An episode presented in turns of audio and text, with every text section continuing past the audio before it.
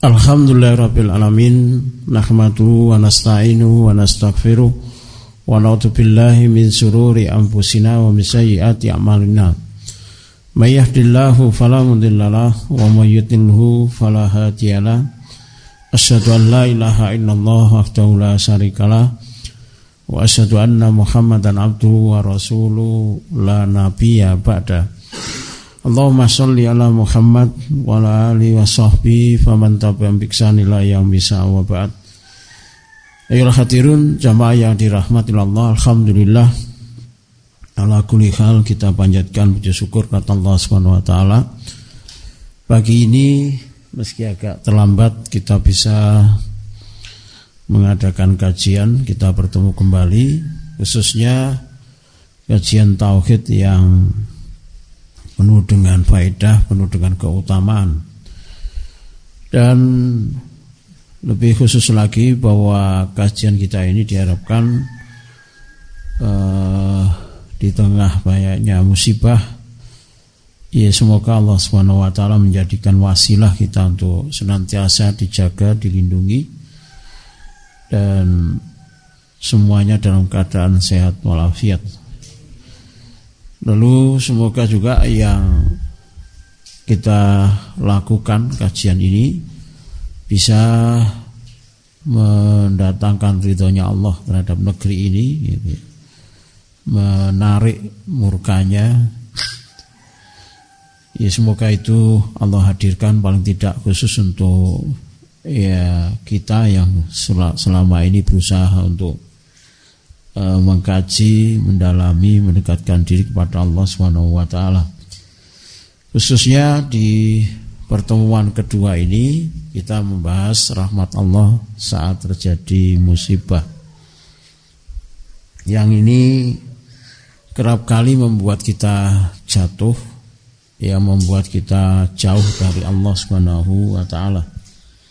Pada pertemuan uh, hari Jumat sore kita sudah membahas minta mami rahmatillahi bi abdihi. Ya sudah ya. Lalu sekarang kita lanjutkan. Kalau pada bab sebelumnya kita menjadi tahu bahwa eh, mayoritas seseorang salah paham bahwa Justru termasuk kesempurnaan rahmat Allah adalah Allah hadirkan berbagai macam ujian atau musibah. Karena kebodohannya gitu ya, karena ketidaktahuannya, karena kedolimannya. Jadi dua hal yang menjadi pintu jatuhnya seseorang ketika diuji. Pertama adalah bodoh yang kedua apa? Dolim. Dolim itu sudah tahu tapi tidak mau mengikuti. Sudah tahu tapi justru malah melanggarnya. Lalu kemudian semua yang sebetulnya bentuk kasih sayang Allah dalam sisi yang lain, sisi yang berbentuk musibah ujian itu disalahpahami bahkan sampai akhirnya menuduh Allah Subhanahu wa taala. Ya misalkan dengan tuduhan bahwa Allah kejam naudzubillah ya Allah pilih kasih atau tidak adil dan seterusnya. Lalu sering kali mengkaitkan dengan apa? Ubudiyahnya sudah tobat kok tambah melarat. Nah kayak gitu itu kerap kali menghinggapi para pengusaha. Ya, sampai-sampai ada apa? perkumpulannya. Misalkan ex banking, apa itu? Jadi mantan pegawai bank atau yang eh, kelompok-kelompok yang sebenarnya sudah luar biasa bagus ya yaitu misalnya komunitas tanpa riba ya. Usaha yang tidak ingin jatuh pada riba. Di sana sini berusaha untuk apa? Ya tetap uh, kaya atau tetap sukses dengan usahanya. Pada dasarnya tidak ada masalah secara syariat asal uh, bahwa itu bukan yang utama. Tujuan hidup bukan berarti harus kaya. Tapi yang paling penting adalah apa? Selamat dan mendapatkan ridhonya Allah Subhanahu wa taala. Jadi Bapak Ibu, saudara yang dirahmati Allah, terkadang bahkan kemelaratan atau kebangkrutan itu kondisi yang harus dicintai, harus disyukuri, harus dibuat bahagia. Kenapa begitu? Ada karakter manusia itu yang tidak bisa berhenti dari maksiat kecuali harus melarat dulu, harus bangkrut dulu dan Allah Maha tahu. Kemarin kita sudah uh, kalimatnya fa innahu a'lamu bi maslahatihi. Jadi Allah itu lebih tahu apa yang terbaik untuk hambanya. Kadang dibuat miskin itu demi apa? Mencegah dari dosa yang lebih besar. Bahkan juga kalau kita misalkan kaitkan dengan kegagalan-kegagalan dalam hidup termasuk misalnya apa eh, tidak berhasil dalam jabatan tertentu atau gampangannya dilengserkan atau diganti dan seterusnya yang itu kaitannya dengan jabatan itu harusnya di mana ya Pak hal yang positif, hal yang ba baik. Bahkan lebih baik seperti itu dibandingkan kalau apa yang diinginkan oleh kita seluruhnya itu dipenuhi oleh Allah Subhanahu wa taala. Contoh yang paling sederhana ada pasangan suami istri yang akhirnya masuk bui. Iya kan itu. Saya yakin kalau ujung hidup itu tahu bahwa akan masuk penjara, kira-kira mau apa enggak itu?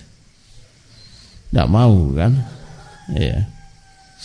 Padahal itu kan dikenal Gus, dikenal Yai juga suaminya.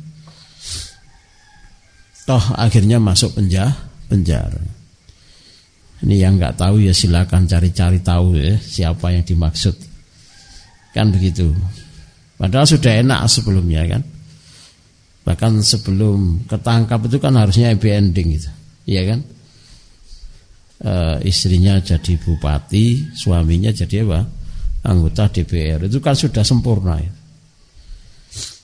Jadi kalau Allah tahu kalau diteruskan itu tambah lebih buruk, maka dihukumlah di dunia ini. Maka masuk penjara itu yang terbaik. Cuma kadang dirasai beda, kan gitu. Karena Bapak Ibu uh, istilah dalam politik ini nyelewat sedikit ya, karena contoh dalam kehidupan itu penting. Ada istilah KPK tebang pilih, paham ya? Ya, gitu kan. Artinya kalau mau motong pohon yang nggak dibutuhkan itu masih dipilih-pilih, padahal seluruhnya seharusnya seharusnya harusnya dipotong gitu loh. Bisa saja kalau orang masih salah mengambil pelajaran itu dianggap apa?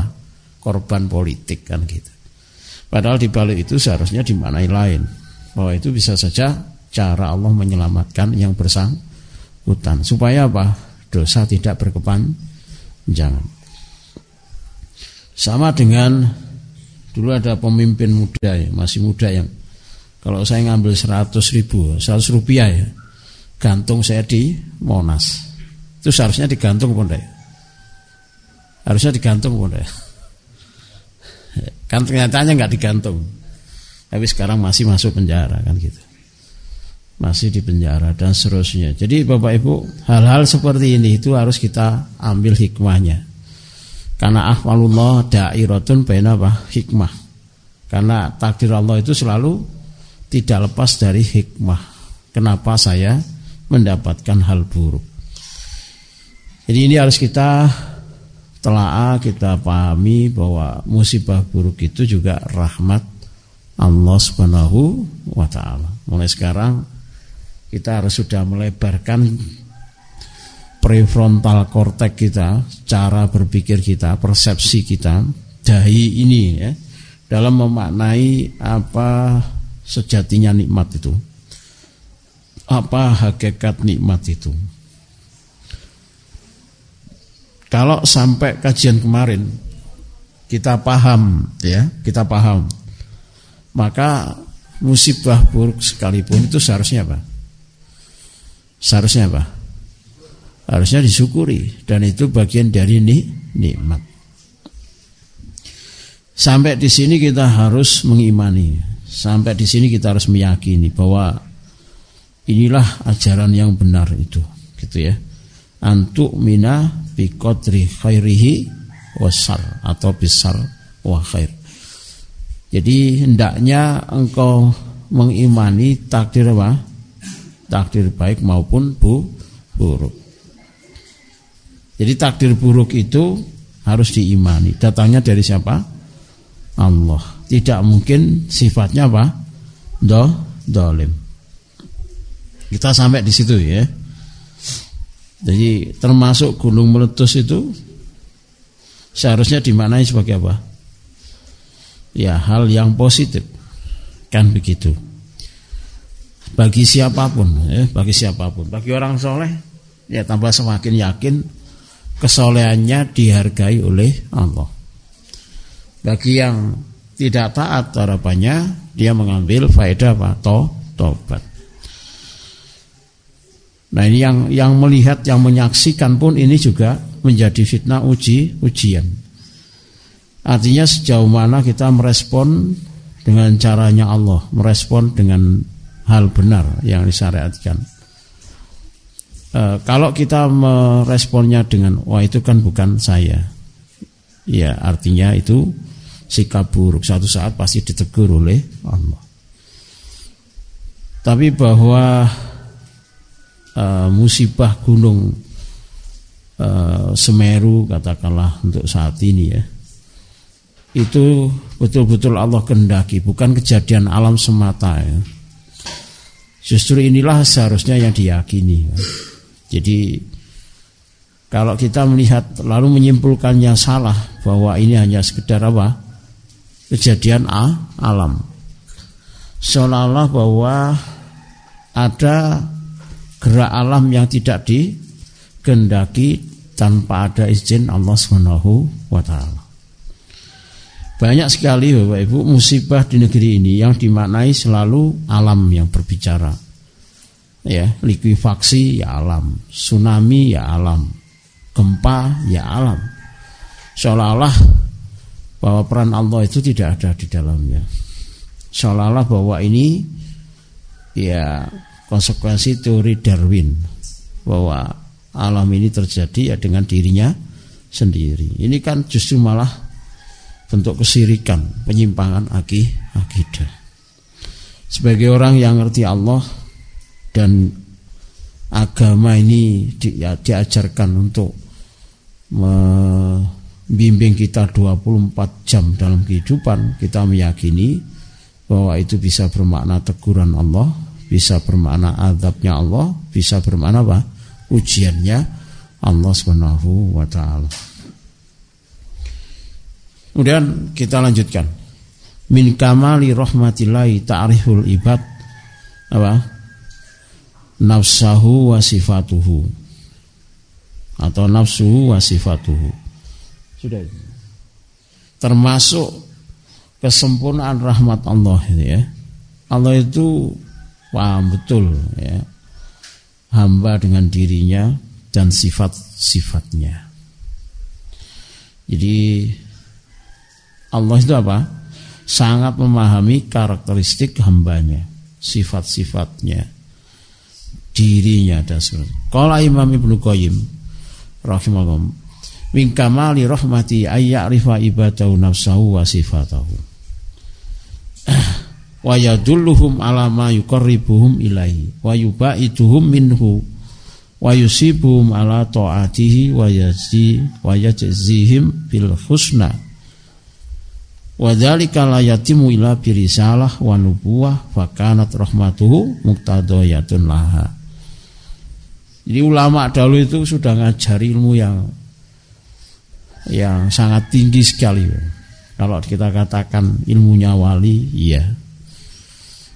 Karena ini kita orang mukmin adalah walinya Allah. Kalau ternyata ini adalah ilmu yang hanya orang yang tinggi saja yang bisa menjangkaunya, iya. Karena di wali itu ada tingkatan-tingkatan. Ada orang yang langsung nyantol gampang paham, itu kewaliannya tinggi. Ada yang diajari berulang-ulang ya enggak paham-paham. Yang ilmu ini Bapak Ibu eh, betapa susahnya orang mengambil hikmah gitu ya. Yang yang orang yang memburu hikmah sampai harus bertapa di gua-gua dan lain sebagainya.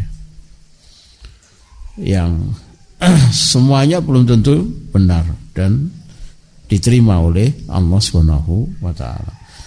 Artinya ulama dahulu itu sudah mengajarkan ilmu yang membuat kita itu sangat tercukupi untuk selamat. Untuk tidak salah dalam menerjemahkan ujian, musibah. Jadi ulama dahulu itu betul-betul kalau bahasanya orang tasawuf itu makrifatullah. Apa? Sudah tingkatannya makrifat. Karena paham betul, paham betul apa yang dimaui oleh Allah. Makrifat dalam arti yang benar ya, bukan ujungnya terus tidak sholat, bukan. Malah mereka terkenal ahli ibah, ibadah. Bukan kok terus kalau sudah makrifat hakikat malah tidak sholat meninggalkan syariat, bukan itu. Ini justru malah malah semakin sempurna syarat itu dengan keteladanannya kepada siapa? Rasulullah Sallallahu Alaihi Wasallam. Karena itu wayadulluhum alama. Ya, karena Allah itu tahu, ya. Maka Allah tunjukkan apa saja bisa membuat para hamba itu untuk dekat kepada kepadanya. Ya. Jadi ditunjukkan mana jalan yang yukorrib yang itu mendekatkan diri. Wa yubaiduhum minhu dan jalan yang justru malah membuat jauh. Jadi hak itu dijelaskan, yang batil dijelaskan. Ya. Jadi Allah tahu betul untuk selamat itu bahwa hamba itu butuh petunjuk. Maka diturunkanlah syariat. Diturunkannya Quran. Kitab suci diutusnya Rasulullah Sallallahu Alaihi Wasallam. Wa yusibuhum ala taatihi. Lalu akan mengganjar, memberikan balasan bagi orang yang mentaatinya. Wa yajizihim wa yujzihim bil husna. Lalu diberikan pahala bagi mereka yang baik yaitu sur surga. Al husna itu surga. Wadzalika la yatimu illah birisalah. Pelan-pelan Bapak Ibu ya. Uh, ya beginilah kita kita belajar ya. Lambat laun tambah bahasa Arabnya yang dibaca gitu ya. Ini kalau uh, kewaliannya tinggi itu seneng. Kalau kewaliannya pas-pasan itu ngeluh sih Rai. Paham ya? Tapi pelan-pelan lah. Eh, kita akan mengupgrade diri. Wadzalika la yatimu illa birisalah. Maka itu semua tidak sempurna dengan apa? Kecuali risalah, yaitu is Islam. Quran, sunnah. Wanubuwah, yaitu kenabi, kenabian. Rasulullah sallallahu alaihi wasallam.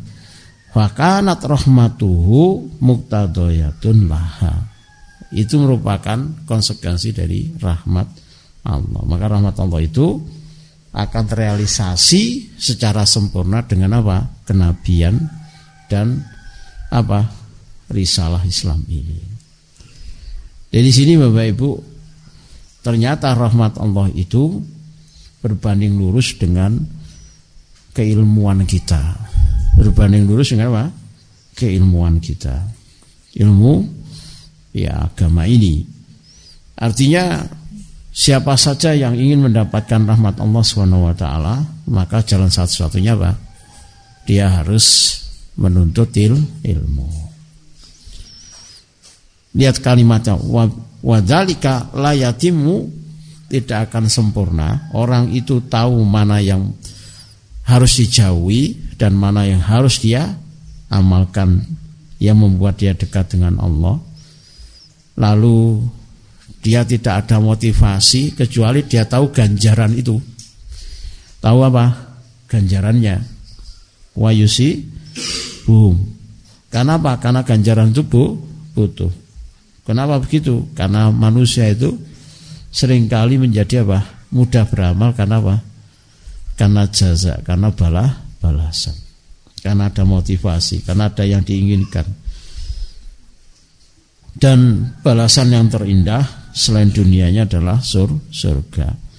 Tapi ingat, wadzalika layatimu itu semua tidak sempurna kecuali apa? Harus ngaji. Harus belajar. Sehingga di sini sudah harus di apa di muhasabai direnungi selama saya secara pribadi jenengan semua itu tidak terus belajar kepada Allah, belajar tentang syariat ini, menuntut ilmu, maka rahmat Allah itu cenderung tidak banyak. Rahmat Allah itu terbatas. Paham ya ini ya? Ngeyel kayak apa pun itu ya tidak akan bisa mendapatkan banyak kecuali apa dengan terus menambah il, ilmu. Nah, nanti kita akan tahu sudah saya sudah menyiapkan kitabnya Bapak Ibu. Uh,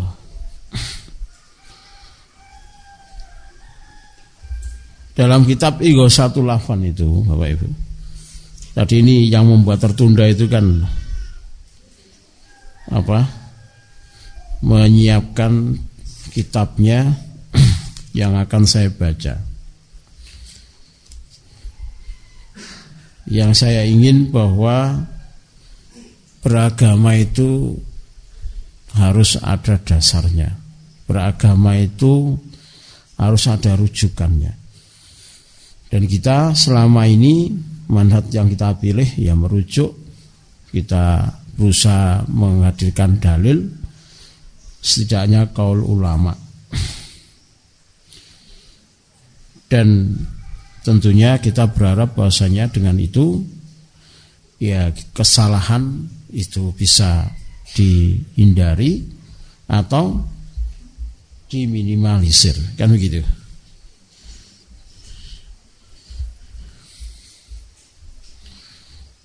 Apa yang uh, ingin saya sampaikan di kitab Igo 18 Bapak Ibu.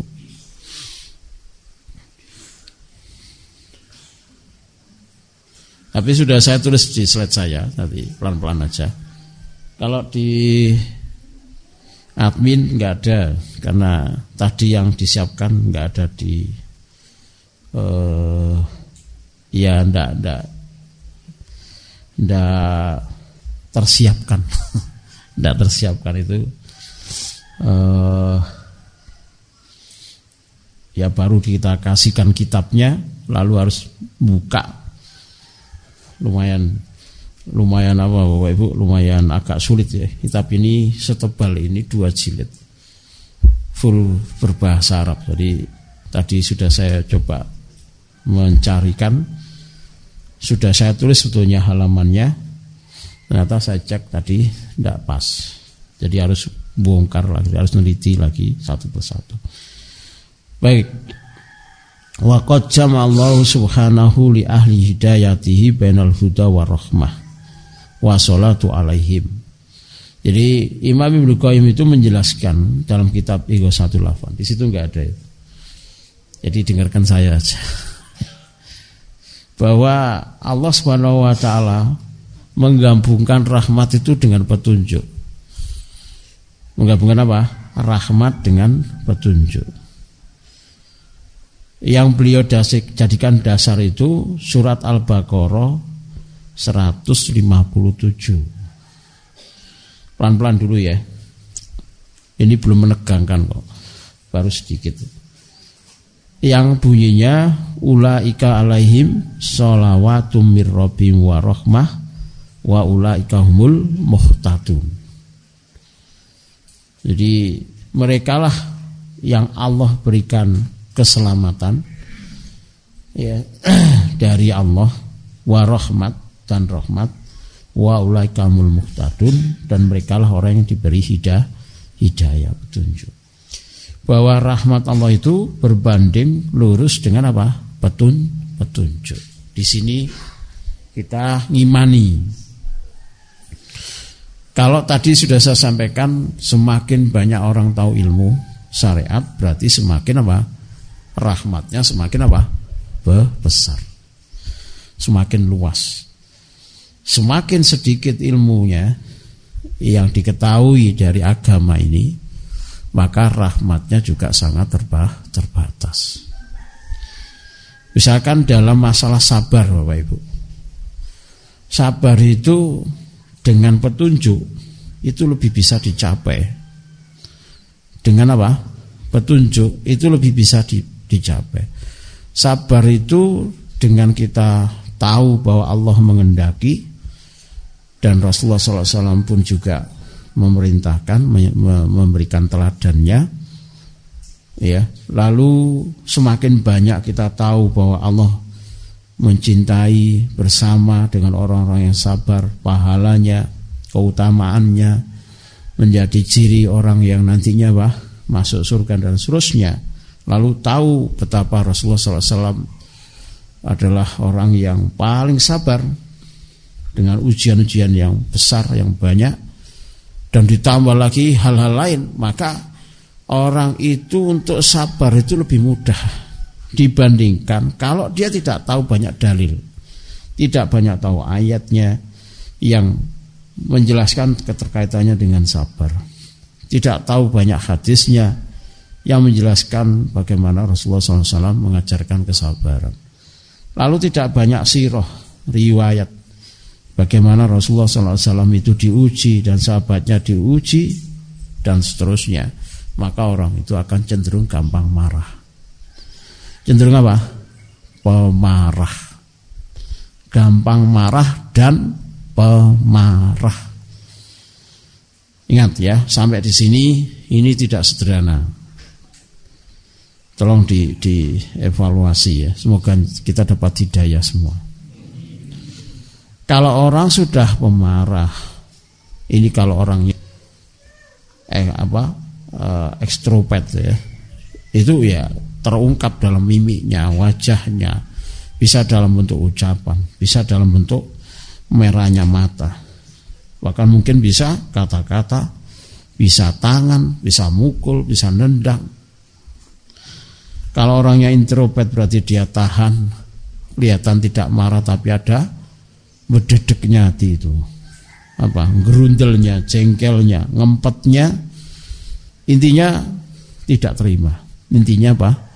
Melawan. Intinya tidak sabar.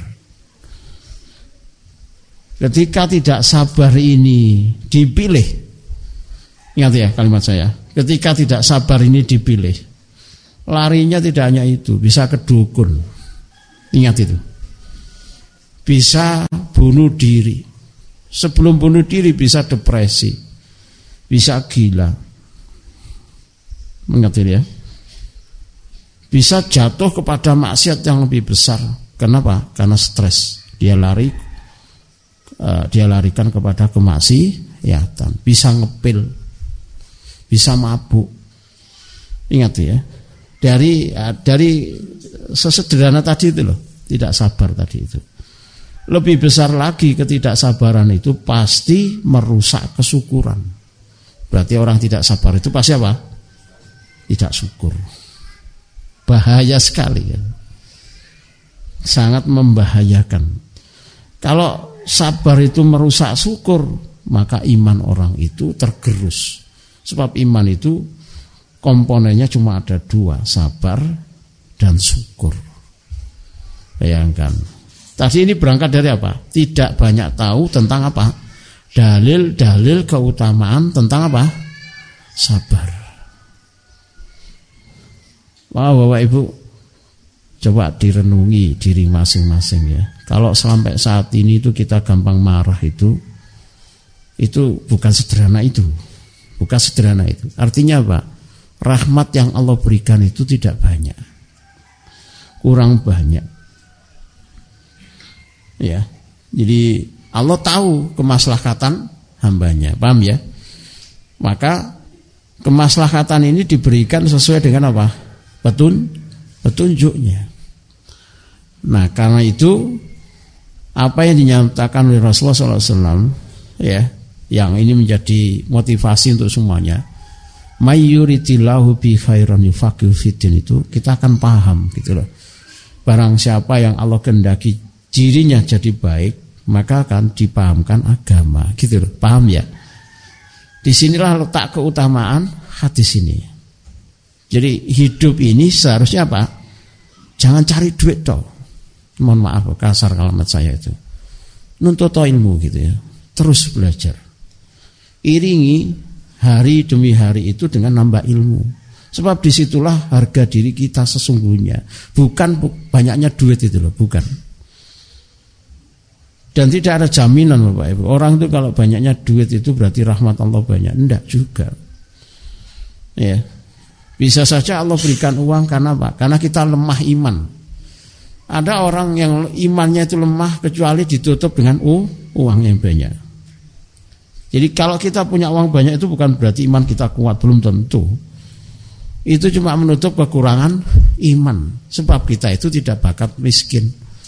Kalau miskin tambah menjual imannya, tambah jatuh imannya. Atau justru malah itu fitnah. Orang itu banyak uangnya justru malah apa? Dosanya bah, banyak. Berarti rahmatnya banyak apa sedikit? Sedikit. Maka sekali lagi hidup itu tidak hanya sekedar apa? mencari uang saja. Apa yang dipesankan oleh Rasulullah SAW itu seharusnya menjadi perhatian besar kita. Kalau Rasulullah mengatakan mayuridilau bi khairan yufaqihu fiddin, maka tidak ada jalan kebaikan kecuali harus banyak mencari petun, petunjuk itu. Harus banyak tahu ilmu agama, termasuk rahmat Allah yang ternyata rahmat Allah itu bersanding dengan apa? Dengan keilmuan. Masya Allah ya.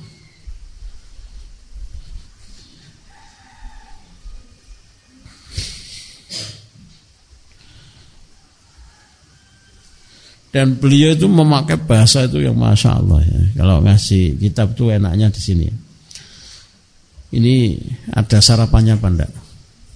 Tanya aja. Kalau enggak ya tak pendek no. Kalau ada ya konsekuensinya agak panjang. Jawabannya gimana? Ada? Ada apa? Nasi apa kue? Ali, ali fikih sih ngejar ada apa dulu ya. Rawon. Alhamdulillah gitu ya. Semoga betul-betul ada rawon.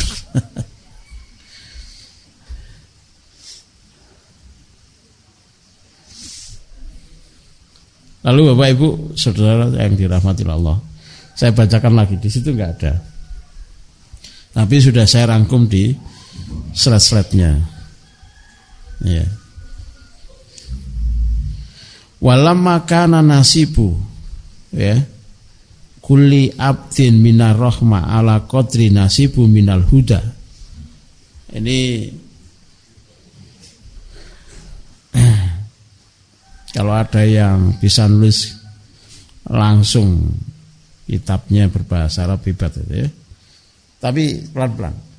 Walama kana nasibu ya. Tatkala bagian nasib itu bagian. Ingat ya, nasib nasib itu sebenarnya diambil dari apa? Bahasa bahasa Arab yang artinya bagian. Kulli abdin setiap hamba minar rahmah dari rahmat Allah itu tatkala rahmat Allah bagian dari hamba yang berupa rahmat Allah itu ala qadri nasibihi minal huda. Apa? Sesuai dengan kadar apa? Bagian petunjuknya nasib dari petunjuk yang ia peroleh. Paham ya kalimat itu ya? Paham? Bahwa ternyata rahmat Allah itu Allah sandingkan dengan apa? Petunjuk. Nah tatkala rahmat Allah itu ditetapkan berdasarkan apa seberapa besar seorang itu mendapatkan petunjuk. Ingat kalimat itu, kaidah itu. Karena akmalul mukminin imanan apa itu artinya? Adalah akmal yang paling sempurna orang beriman kita ini imannya keimanannya a'dhamuhum rahmatan ya yang paling besar rahmatnya. Maka orang yang mendapatkan petunjuk paling banyak adalah orang yang paling sempurna imannya, orang yang paling apa? besar rahmatnya. Paham? Paham ini? Ya, kita kan akhirnya kan akhirnya apa ya? Getun. Getunnya apa itu? Ya kan nggak apa-apa ini untuk untuk pelajaran. Kenapa dulu tidak mondok saja? Paham? Kenapa tidak mondok saja? Sebab ternyata rahmat Allah itu yang paling besar disesuaikan dengan kesempurnaan iman. Kesempurnaan iman itu sangat dipengaruhi oleh apa? Banyaknya petunjuk yang diperoleh. Tadi saya kasih contoh, orang yang paling sabar itu adalah orang yang paling banyak tahu tentang dalil, tentang bab sabar. Qurannya, sunnahnya, sirohnya dan seterusnya. Ini introspeksi diri ya, muhasabah. Saya ini kesabaran saya, maksud saya sampai dengan semua saya. Itu seberapa? Ini sekarang di sabar itu maknanya luas, sabar dalam ketaatan, sabar dalam meninggalkan maksiat gitu loh ya. Bukan sabar hanya ketika diuji musibah. Ya, karena sabar itu pengertiannya luas. Termasuk sabar ketika didolimi. Sabar ketika sakit. Meski itu musibah. Tapi sabar ketika mentaati Allah itu juga bagian yang diperintahkan. Sabar waktu ngaji itu diperintahkan. Apalagi sudah ada bana-bani rawon. Itu enak pol itu. Jangan tanyakan semua orang yang nuntut ilmu agama itu soro, pasti soro. Seenak-enaknya orang mondok itu tidak enak. Pasti tidak enak. Sampai dibuatlah pondok itu terasa hotel bintang 5. Di Malang kan ada itu. Tapi coba tanya semua santrinya. Ngeluh ini. Ngeluh. Mengeluh. Itu yang enak, apalagi yang tidak enak. Yang zaman-zaman dulu itu mondoknya pasti tidak enak ya. Tapi ingat Bapak Ibu ya. Yang seperti itu buahnya manis hasilnya besar. Justru itulah tanda Allah mencintai. Tapi asal bahwa mondoknya itu sukses loh ya. Orang kok harus baru mondok terus ditinggalkan rasa pondoknya. Lalu ganti rasa preman rasa apa lagi pemburu dunia, ngejar duit, jadi pengusaha macam-macam. Yang rasa pondokannya justru malah melemah, luntur, tidak digunakan, tidak percaya diri, tidak bisa. Ini pondok yang betul-betul dia mendapatkan rahmat dengan ilmu agamanya. Nah kalau ternyata belajar untuk mendapatkan petunjuk, dalil dan itu kita harapkan rahmat kita besar maka ngaji seperti ini tuh saya enak-enak wong ngaji. Nek sampean golek gak enak panggah gak enak itu. Mungkin disuguhi bahasa Arab tok sampean ngeluh. Lha kan ngeluh, titik-titik ngeluh itu rahmatnya titik. Pasti sedikit itu. Karena jenengan nggak paham substansi penghambaan kepada Allah. Sing digoleki sing sing sebetulnya harusnya kita itu justru malah memahami sunatullahnya bahwa nggak mungkin apa Definisi nikmat itu, definisi nikmat itu hanya nikmat saja. Definisi baik itu hanya baik saja. Pasti ada sisi yang sebelahnya. Kalau enak berarti ada yang tidak enak. Kalau mudah berarti ada yang su sulit. Kalau semakin besar nilainya berarti semakin apa? Enggak, semakin besar nilai keutamaannya semakin apa berarti? Semakin apa? Harusnya dicari dengan apa? Lebih besar pengorbanannya. Kan begitu tuh. Jadi karakter ini harus dipahami orang yang menuntut il, ilmu. Tidak semudah yang dibayangkan orang mendapatkan petun, petunjuk. Kalau dulu lama berjalan ratusan kilo hanya untuk mendapatkan satu hadis. Sekarang kita tinggal belajar. Masih juga kalau karakternya tidak tahu, masih yang di, dipermasalahkan yang yang tidak tidak yang sedikit sedikit itu. Padahal kalau sekarang ini saya enak-enaknya kita ngaji, ada kopi. Itu kalau tidak disyukuri, ya tidak petunjuknya banyak, itu rahmatnya juga tidak banyak. Akhirnya suatu saat kopi itu tidak nikmat kan gitu. Jadi hanya orang yang tahu dalil, tahu apa syariat, dia akan selalu bisa menikmati apa yang Allah beri berikan, termasuk kopi kah, teh kah, rasa apa pun kopinya, apa?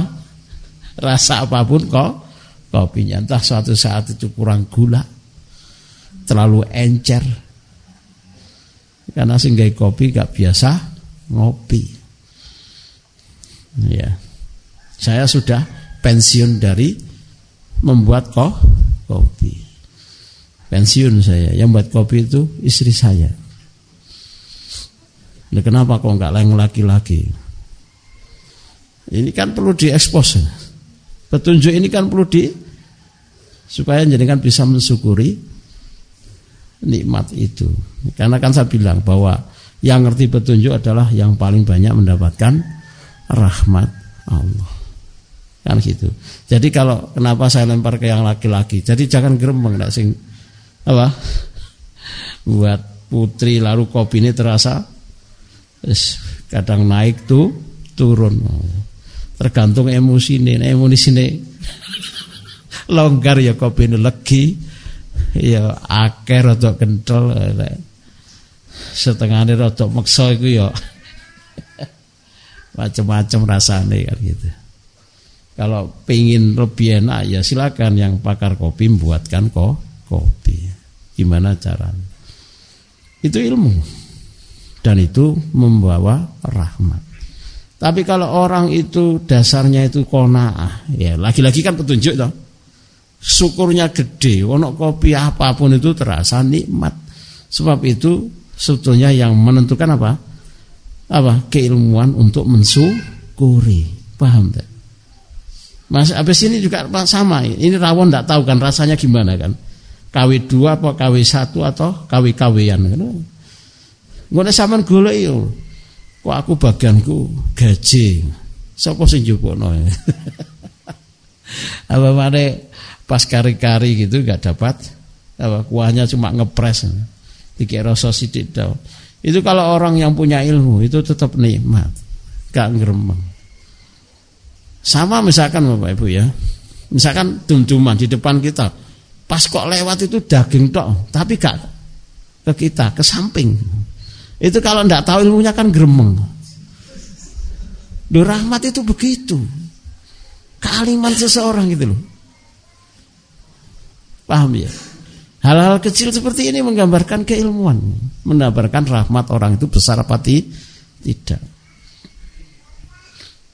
Meskipun saya tadi ngaji gitu ya, agak telat, padahal sudah kita siapkan.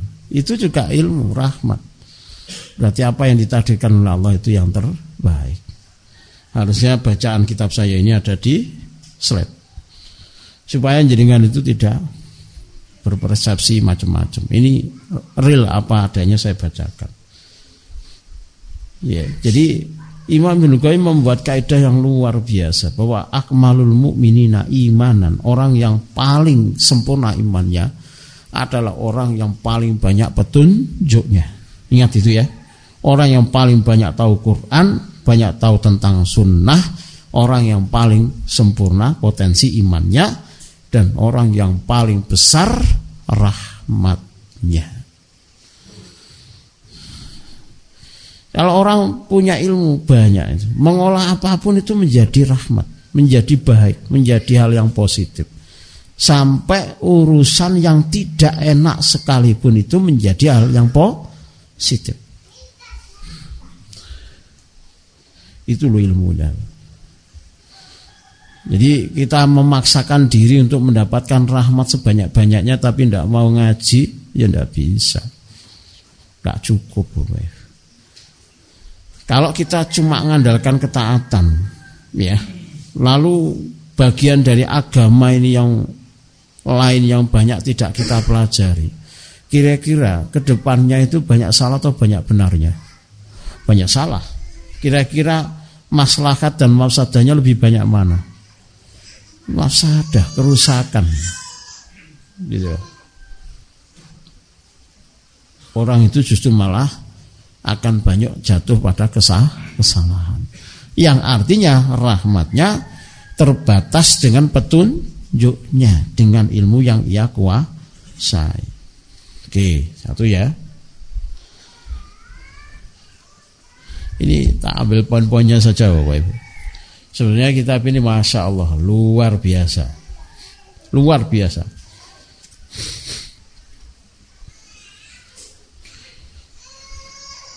Saya itu sampai buka berapa literatur ini. Ada empat kitab saya bawa.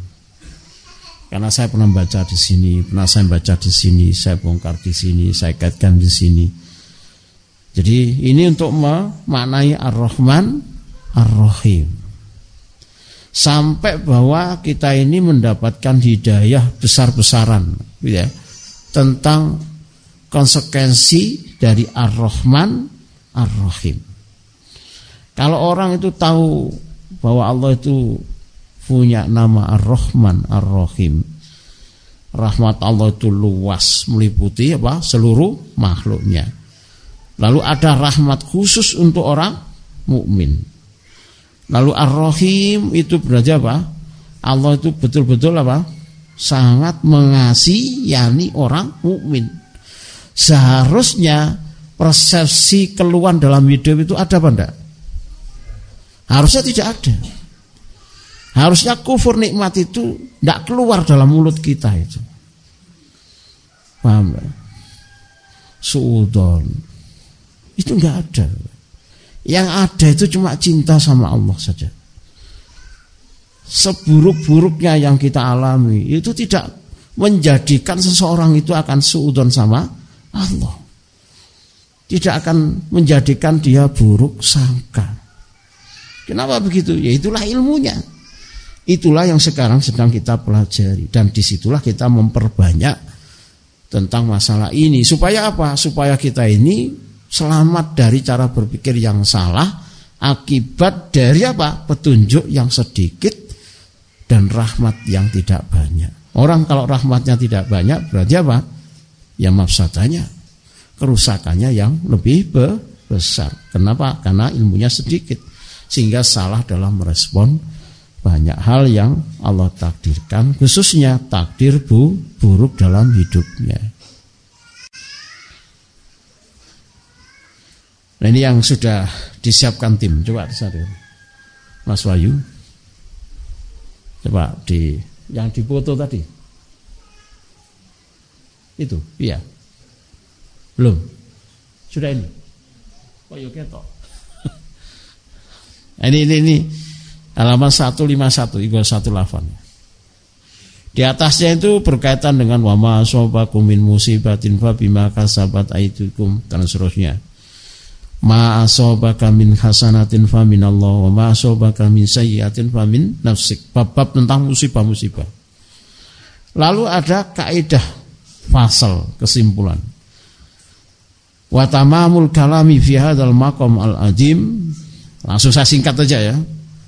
Bahwa kesempurnaan dari bab yang agung ini, makom bab yang agung ini. Bahasanya ulama ya. Itu kalau membaca gini itu enak.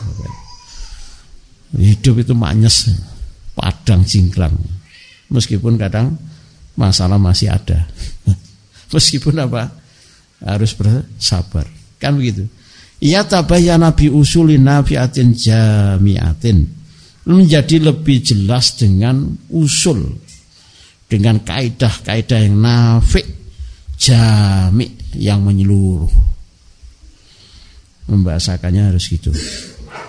Nafiah yang bermanfaat, jamiah yang menyeluruh, manfaatnya yang umum. Dengan usul, ada kaidah-kaidah yang manfaatnya itu mencakup untuk semua keadaan hidup kita. Yang pertama, annama yusibul mu'minin min sururi Ya sudah ya itu ya. Ini harus sabar. Karena sudah modok itu susah berat. Saya ingin ngaji anak kopi ini anak rawon aja kangelan. Sik suworo sik sahabat kan repot. Iya kan dulu. Cobalah ya. Paling tidak diklik no rasane dhisik. Masuk gak iso-iso didelok, macane kangelan ya didelok. Minimal itu apa?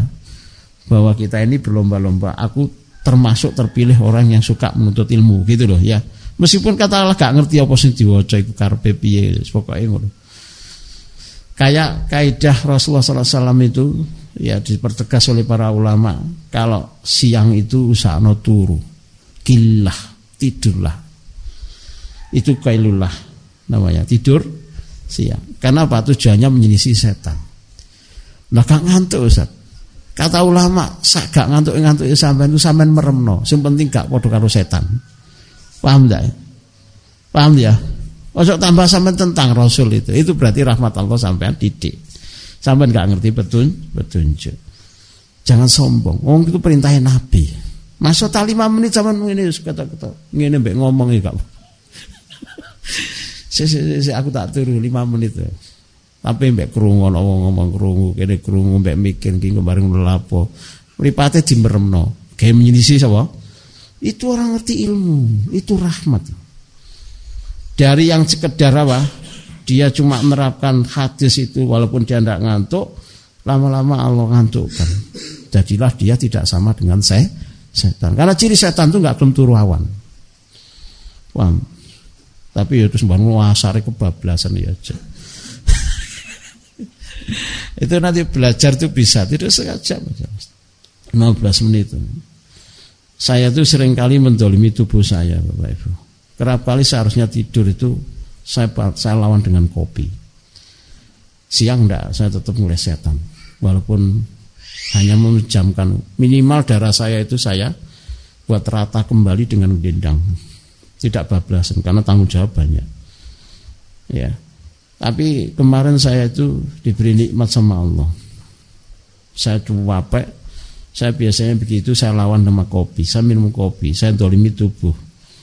Tapi saya yang gelendang, saya pilih gelendang sejenak. Ternyata freshnya itu lebih bagus dibandingkan minum kopi gitu ya. Karena kopi itu asam lambung saya naik gitu terus. Itu pun saya masih harus panas mata saya. Itu pun tidak fresh. Kadang-kadang sekalor datang, ngebres-ngebres pilek e, ternyata masya Allah nikmat itu. Tidur itu sangat nih gak bisa. Kopi senikmat nikmatnya kopi ngalahkan tidur itu gak bisa. Saya itu betul-betul jadi masya Allah nikmat. Baik ya. Saya saya kembali ke kitab. Anama yusibul mu'minin min surur wal mihan bahwa apa yang menimpa orang mukmin, surur itu yang jahat-jahat, yang nggak enak-enak itu loh. Mau mangkel itu loh. Sehingga ada mangkel surur. Pokoknya kejahatan, disantet, difitnah, diprovokasi, diadu domba. Wal mihan, ujian, wal ada juga hal-hal yang mengganggu dirinya. Nama yusibul kufar. Itu lebih ringan gitu loh dibandingkan yang Allah timpakan kepada orang kafir. Ini penting kan? Untuk apa? Untuk membuang kalimat setan apa? Itu orang kafir kok tambah enak uripe. Paham? Kan gitu. Wis ora salat ora anu. Kan gitu. Kok uripe enak? Ternyata tidak. Ulama dahulu itu sudah memberikan penerangan bahwa orang kafir itu jauh diuji lebih berat. Bukan diuji, tapi dihukum lebih berat. Itu nama yusibul kufar. Wal waqi' saitun bidalik. Faktanya akan menjelaskan seperti itu. Yang bunuh diri, Bapak Ibu. Yang hidupnya bergantung dengan obat-obatan. Di Amerika itu ada saya tahu dari YouTube itu ada kota namanya kota zombie. Tahu? Philadelphia. Tahu? Oke sakopane bener mesti cocok mbak aku. Kalau saya didelok macam-macam mesti gak, gak, gak nyambung sampai. Soal itu juga hidayah itu. Paham? Ada satu kota apa Keniston apa itu namanya Philadelphia itu diizinkan orang narkoba seluruh negara mana pun ngabung di situ jadi ganja ngepil ngobat itu di jalan-jalan nggak ditangkap nggak ditangkap. Jadi mereka itu kayak zombie gini kadang yang nekuk gini tul tul tul maka disebutkan kota zombie. BAB di tempatnya anu ya tempatnya. Kadang nekuk jenenge orang ngefly nge gak ngerti bentuknya kayak apa. Mereka jauh lebih buruk situasinya, lebih mengerikan. Dan itulah faktanya gitu loh. Sing diwagung-agung lo ternyata kayak gitu. Belum yang homeless itu. Oh, homeless apa itu? Homeless itu gelandangan. Sama dulu itu wenes. ya. Jadi sama saja kok ternyata itu. Cuma ya orang kalau sudah silo dia tidak dapat tidak westernisasi ke barat-baratan itu pokoknya diangkat barat kayak perfect perfect Padahal di sana sangat mengerikan. Wa kadzalika mayusibul abror fi hadza dunya tuna mayusibul fujar wal fusak wa dzulmatu bikasir. Begitu juga orang-orang yang baik itu. Balasan di dunianya apa? Tentunya apa? Jauh lebih lebih nikmat, lebih besar dibandingkan orang-orang yang fujar, orang yang ahli maksiat. Ya, orang fasik lalu wadul matun bikasir. Mereka dalam kegelapan yang jauh lebih banyak. Artinya kalau sekarang kita ini taat sama Allah lalu Allah hadirkan musibah, harusnya apa? Itu ri, ringan. Itu ke kecil. Itu kan dibimbing loh ulama dahulu. Harusnya itu artinya memang seharusnya rasanya begitu, rasanya ringan. Ya, apalagi kalau kita bandingkan dengan nikmat-nikmat yang imaniyah. Ya kan, nikmat imaniyah, diniyah, duniawiyah, ukhrawiyah. Kemarin kan kita ngaji itu fikih asmaul husna ya. Ingat-ingat kalimat yang membahagiakan ini. Orang mukmin itu mendapatkan apa? Mendapatkan rahmat yang lebih khusus bersifat apa? Imaniyah, diniyah, duniawiyah, ukhrawiyah. Itu yang sifatnya apa? Keimanan yang bersifat keagamaan yang bersifat dunia. Dirinya dia hidup dan kelak dia di akhir akhir. Misalkan cara melihat hidup di dunia. Sekarang kita ngaji itu sebetulnya rahmat Allah yang khusus untuk orang mukmin melihat dunia itu dengan kacamata yang benar. Bahwa kalau kita mendapatkan musibah, musibah itu dibandingkan orang kafir, orang fasik, orang maksiat itu kalau orang soleh lebih ringan. Itu petunjuknya. Petunjuk ini kalau dengan yakini berarti rahmat Allah besar. Berarti apa efeknya? Kita tidak akan gampang mengeluh. Ah ini ringan. Gitu loh. Yang lain lebih berat. Orang kafir lebih berat. Orang fasik lebih berat. Orang fajir ahli maksiat lebih berat. Kalau kita melihat dohirnya seolah-olah dia lebih bahagia, itu cuma dohirnya dong. Bayangin no, kurang apa? Ada artis gini nggak karu-karuan. Bojone yo wayu. Sampai ayu nih aku ngomong ya. Oleh ngomong biasa, iya. Iya wong Jawa itu penyangatan kok ngono. Kok saking ayune wong wedok to. Lah apa kok suami istri sampai klebu penjara itu? Dihukum petang tahun mana? Iki nang di otaknya itu. Wis kurang apa tenar sugih. Dan semua artis pasti mengidolakan itu. Ya, termasuk katakanlah orang yang rahmatnya sedikit, petunjuknya sedikit, cuma nasibnya kan gak sama dengan artis itu kan kepinginannya seperti itu. Lalu apa kok ngepil? Coba pikirkan. Berarti kan hatinya kan lebih apa? Menyakitkan kan. Lebih menderita. Lebih tidak bahagia. Akhirnya masuk penjara. Itu kan ilmu Bapak, itu kan petunjuk dan itu efeknya ke rahmat. Berarti sekarang ini kita seharusnya apa? Alhamdulillah. Itu kan gitu. Tapi kalau jenengan tidak paham ini, maka Allah akan tegur gitu dengan musibah-musibah. Kalau teguran dengan musibah-musibah juga tidak ingat, maka Allah akan hukum. Nah untuk bilamin Itu yang pertama. Lalu usul yang kedua, al aslu asani. Al aslu asani. Jadi kan itu langsung alhamdulillah loh, langsung uh, apa wis gak pernah mondok, wis wis gak perlu belajar bahasa Arab tapi distandarkan orang pondokan. Itu standarnya wong alim itu maca kitabe. Jadi kan kan itu belum makome tapi rasanya sudah rasa orang a, alim. Alhamdulillah. kan itu. Tadi kata suruh pokoknya masuk gak ngantuk ya sampean perem-peremno. Iku menyelisih saya saya masuk orang alim tenanan lho sampean kudu apa kaya wong ah alim. Maca apa? Maca kitab. Kitab apa ya ora apa lafan-lafan ngono lho kata. Igo satu lafan. Igo itu apa itu pertolongan yang sangat. Pertolongan lafan itu al makrub uh, al makrub itu orang yang uh, dalam situasi sangat genting diganggu se setan. Fimasa yiti setan. Jadi ada kitab itu sampai kayak gitu loh. Ulama itu ini itu kitab setebel ini itu membahas tok musuh piye caranya apa? Supaya orang itu tertolong ketika dia dalam situasi sangat genting, al makruh. Ya. Mukta, apa? Muktasirun.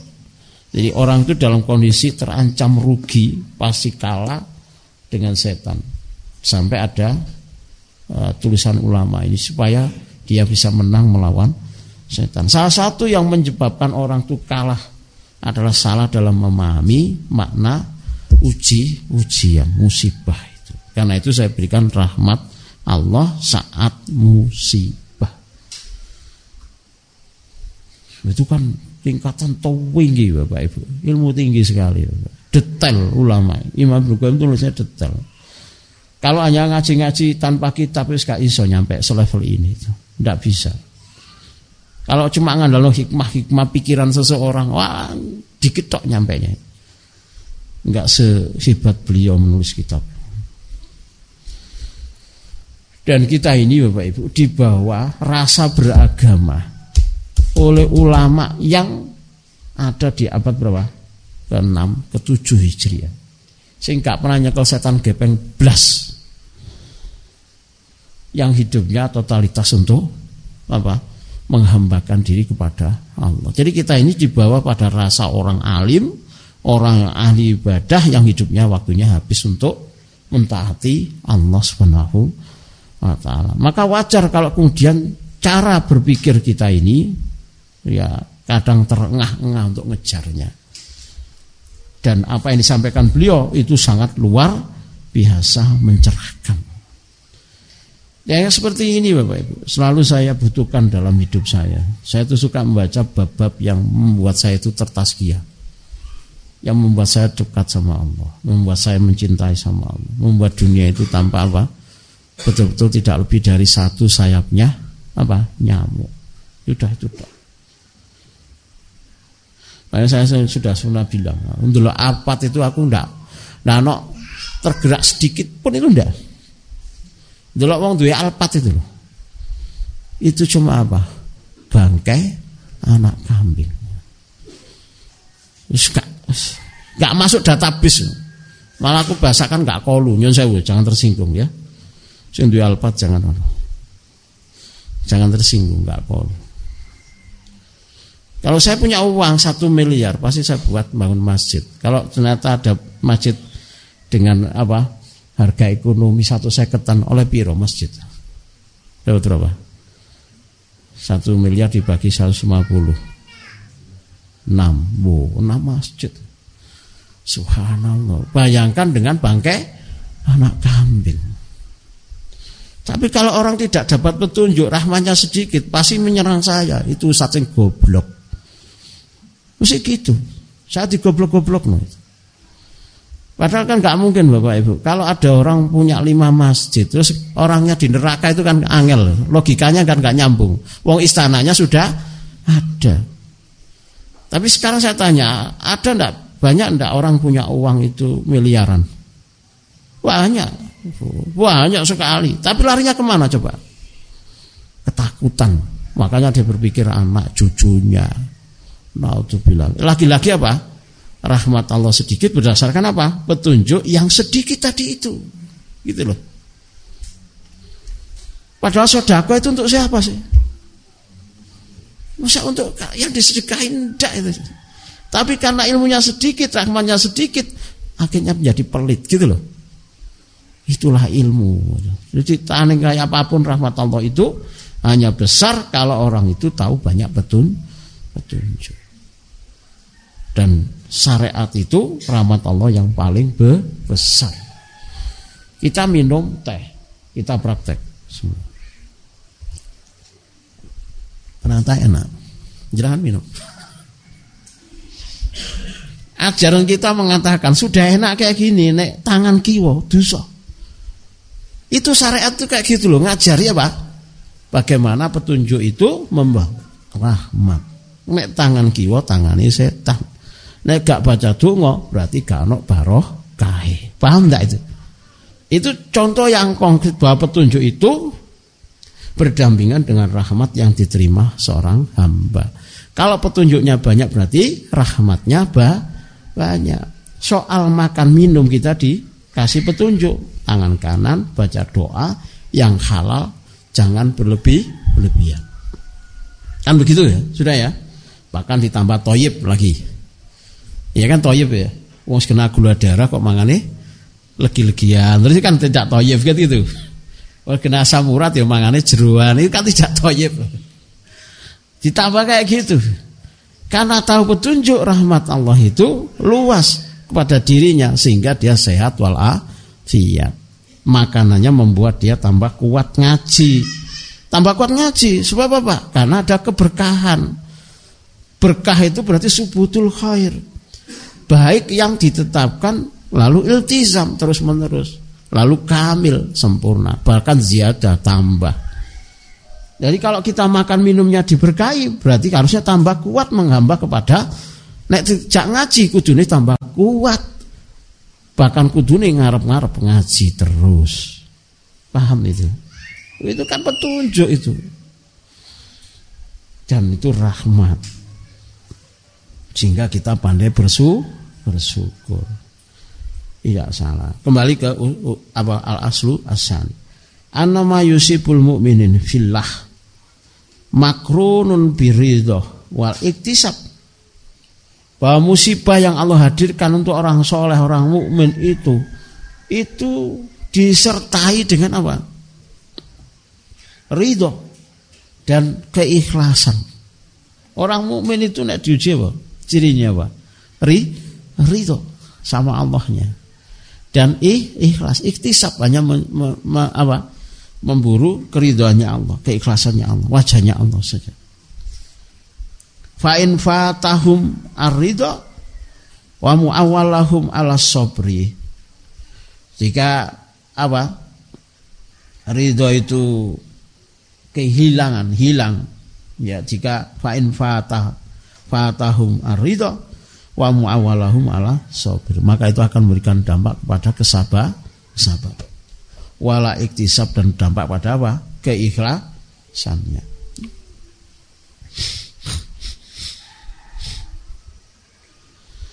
Wadzalika yukafifu anhum sakila al-bala.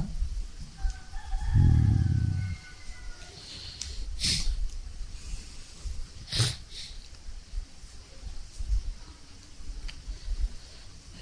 Uh, afan ya salah ya. Fa'in fatahum arido. Jika dia tidak bisa ridho ketika diuji, famu awalahum ala sober. Maka dia akan apa? Mengawalinya, mengikutinya, mengiringinya dengan kesabaran. Ya, artinya orang soleh itu, orang mukmin itu, ketika dia berhadapan sama musibah, maka dia menghadirkan ridho dan apa ikhtisab ya keikhlasannya apa kepada Allah Subhanahu wa taala. Berharap ada pahala ikhtisab gitu ya. Jika fa'in fatahum ridho jika ridho itu hilang artinya dia kurang plong orang legowo maka dia mengawalnya mengawali apa mengiringi dengan apa kesabaran wa'ala iktisab dan berharap ada pahala. Jadi sabar itu dibawanya apa? Ridho. Marah tapi ditahan.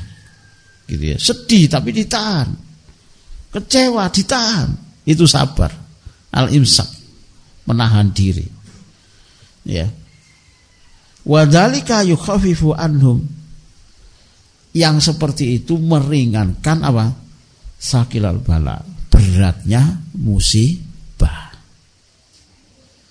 jadi orang soleh orang beriman itu ketika Allah turunkan musibah ia apa iringi makrun dengan apa dengan ridho dan berharap pahala kalau dia tidak bisa ridho, dia sah, sabar lalu meyakini adanya pahala di balik musibah itu. Apa pun musibahnya. Wal maunah tahu. Begitu juga dengan apa yang berat bagi dirinya. Dan itu meringankan saat dia mendapati musibah tersebut. Yaitu dengan apa? Sabar lalu dengan berharap pahala. Fa innahum kullama syahadu al iwat hana alaihim tahammalal masakoh wal bala. Ada di situ? Tidak ada, geser. Ada? Nah itu. Tadi saya membaca tidak ada tadi. Sudah kelihatan ya. Fa innahum kullama syahadu maka sesungguhnya setiap kali mereka itu menyaksikan, meyakini iwat itu apa? Ganti yang Allah siapkan. Ketika ada musibah berarti mesti ada apa? Nanti ada balasan, ada ujro, ada ganti. Karena itu kaidahnya innamal usri yusro. Setiap satu kesulitan ada dua kemudian. Berarti satu dua kemudian ini ganti dari apa? Satu kesu Nah orang-orang yang soleh, orang yang punya ilmu itu melihat apa?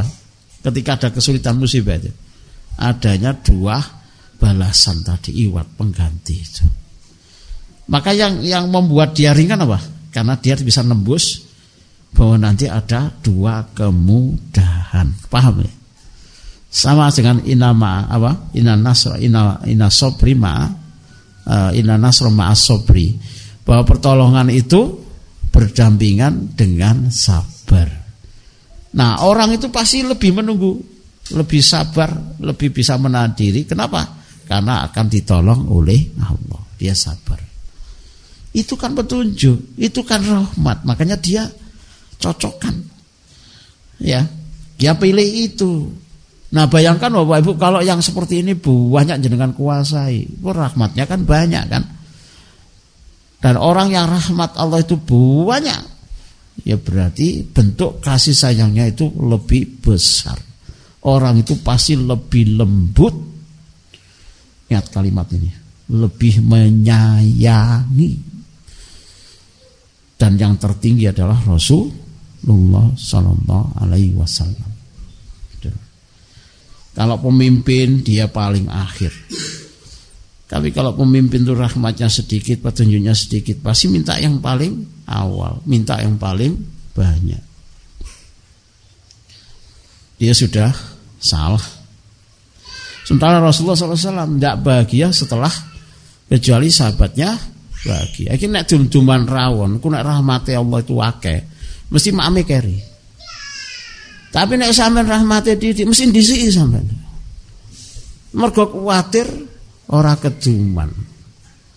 Ini betul ilmunya itu. Itu contoh yang gratisan itu loh, terus ngono. Dan yo sing golek. Iso nyerobot. Kan itu. Iso ngerampas, iso curang, iso menipu. Naudzubillah min. Nah.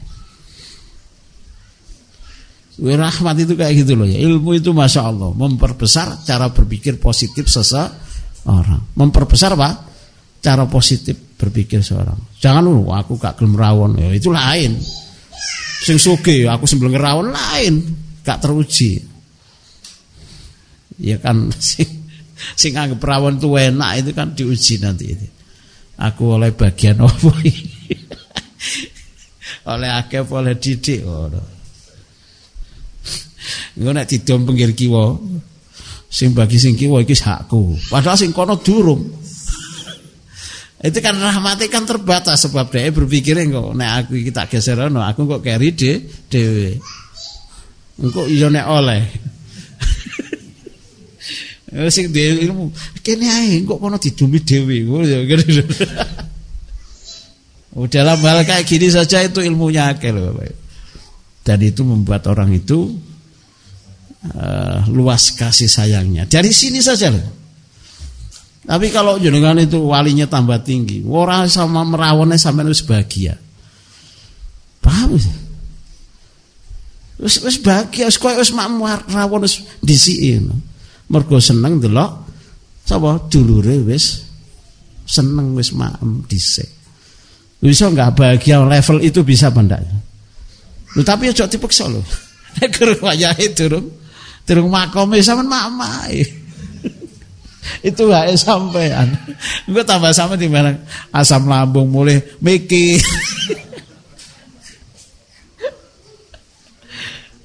Ada tingkatan-tingkatan aja memaksakan diri ya. Engko daripada sampai gerumeng. Ya.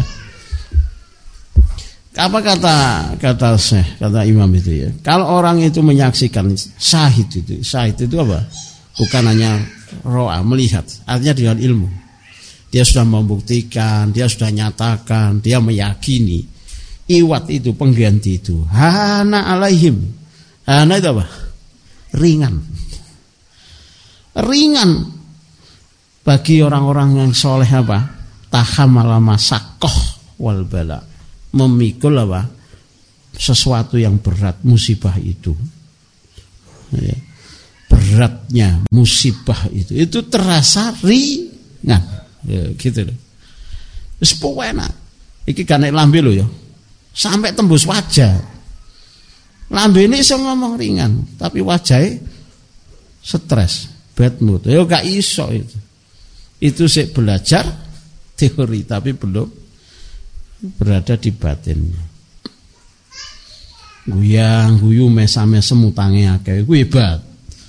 Tapi nek kurang ajar ya gak ana soalé wong utange akeh tapi kurang kurang ajar. Pangka mesame sem guyang guyu gak tanggung jawab. Dia mikir tapi dia masih bisa senyum. Dia masih bisa mengolah bahagianya. Kenapa? Karena utang akeh stres. Tambah gak iso mikir jernih kan?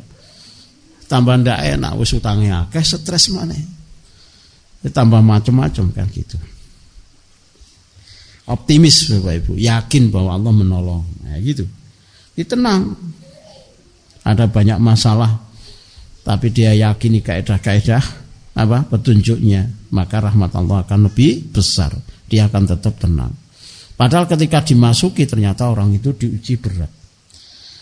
Dan ingat Bapak Ibu, surga itu kerap kali derajat tertingginya itu saya bilang kerap kali ya dan memang memang mayoritas bahkan tidak bisa tidak berarti keharusan. Untuk bisa meraih tingkatan tinggi itu harus dengan banyaknya uji ujian musibah nah saya sering menyampaikan ada orang disayang sama Allah dikasih musibah tapi rasanya kayak dihukum. Ini salah. Ada orang ditinggikan derajatnya dengan musibah tapi merasa direndahkan. Ini salah. Nah rata-rata orang itu terjebak di sini salah. Karena petunjuknya tidak banyak, datanglah setan memprovokasi. Sebetulnya itu cara Allah menyayangi, justru diterjemahkan sebagai bentuk penderitaan. Oh aku wis sholat, aku wis ndonga, wis doa, wis zikir, wis ngaji di rumah dakwah kok uripku seperti ini terus. Padahal itu justru malah apa? Cara Allah memulyakan dan surga yang tertinggi hanya bisa diraih dengan banyaknya apa? Uji ujian. Ada orang justru malah menghindari ujian. Menghindari musibah. Dari mana bisa? Lalu dengan mengedepankan rasa marah kalau tidak sesuai dengan harapan dirinya. Kan salah kan? Kenapa Rasulullah SAW itu tidak pernah marah kecuali pada urusan agama. Urusan selain itu Rasulullah berlapang-lapang. Tapi kita justru malah dicampur aduk kan urusan dunia mah marah, urusan akhirat kita malah toleransi biasa-biasa gak sholat malam itu gak sedih kan gitu jatuh pada maksiat tidak merasa bersalah bersalah tapi kehilangan uang kita marah marah. Urusan yang sepele urusan dunia malah jadi besar. Lagi-lagi petunjuk sah salah. Rahmat Allah juga sah salah.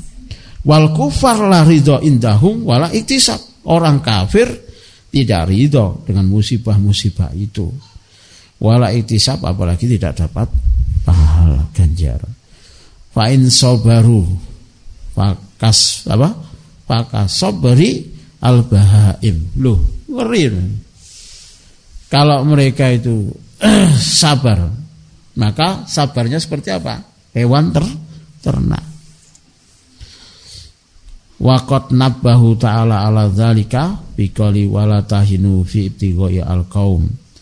Jadi kalau sabar itu seperti sabarnya hewan ternak ngeriam, itu kan proses menghinakan.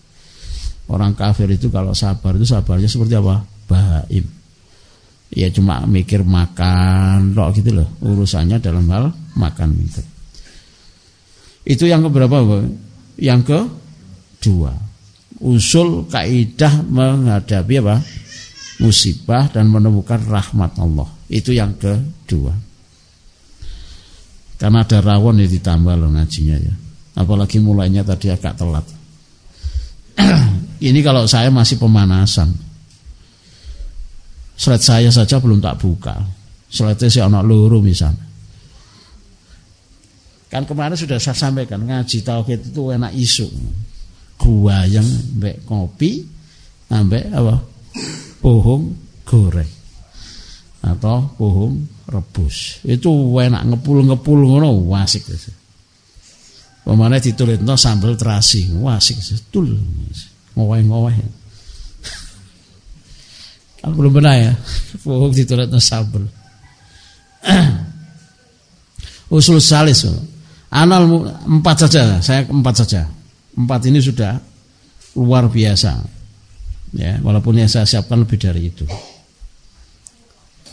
Al aslu salis Anal mu'mina idza udiya fillahi fa innahu mahmulun anhu bi khasbi taati wa ikhlasi wujudu haqaiq al iman fi qalbi hatta yahmilah anhu minal adha. Ada ya? Malau kanu syai'un minnu ala ghairi la ajaza an hamlihi. Orang beriman itu Bapak Ibu diuji itu itu menyertakan apa? ketaatannya. Berdasarkan ketaatannya. Dia dia dia dia apa?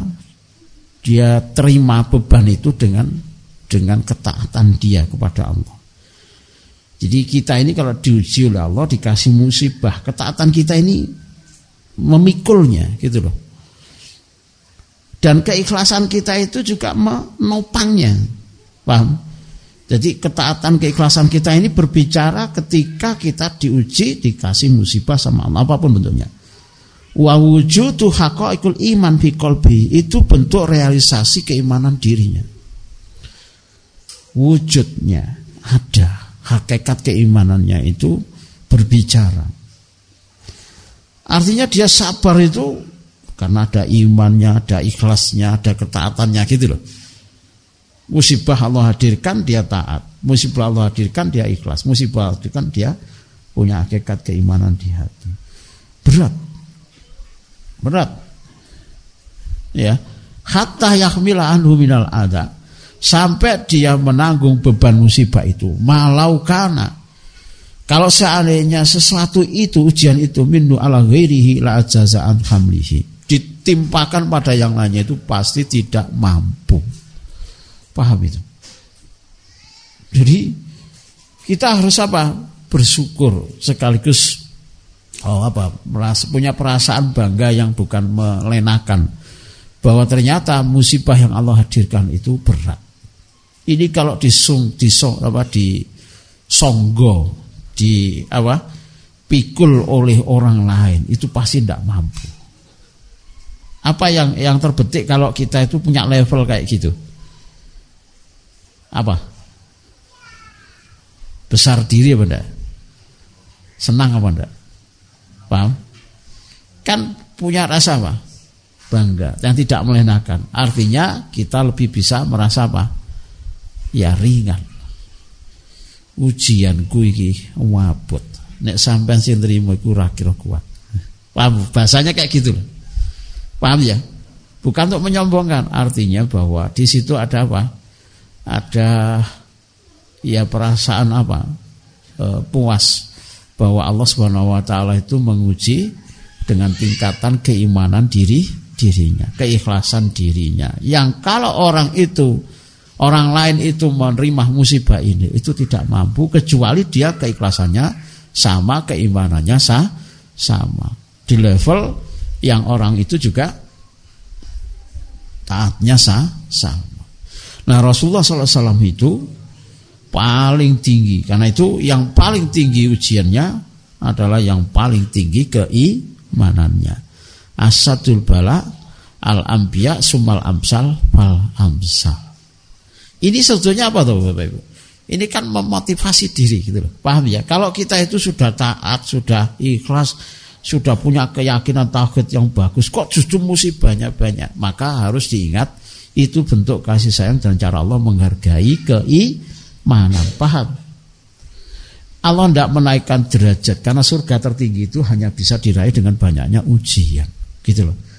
Justru seharusnya itu disyukuri. Ya. Kenapa begitu? Karena itu cara Allah menaikkan derajat seorang hamba yang Allah cinta, cintai. Kalau beban itu dipindahkan kepada orang lain, orang lain itu tidak mampu. Apalagi orang kafir, orang fajir, orang ahli maksiat. Wahada min tafillahi an abdi al mu'min. Ini adalah cara Allah melindungi orang mukmin. Jadi ketika ada musibah, maka Allah hadirkan keikhlasan orang mukmin. Ketika Allah turunkan musibah, ketaatannya Allah buka. Paham? Paham tidak ini? Jadi ini contoh yang paling gampang adalah ketika Rasulullah kalah dalam perang Uhud. Berat paman beliau wafat. Gigi beliau patah, pipi beliau berdarah. Sahabat Musa bin Umar wafat. Jumlah sahabat banyak wafat. Kerugiannya belum lagi harga diri orang mukmin saat itu. Maka orang kafir melecehkan itu berat.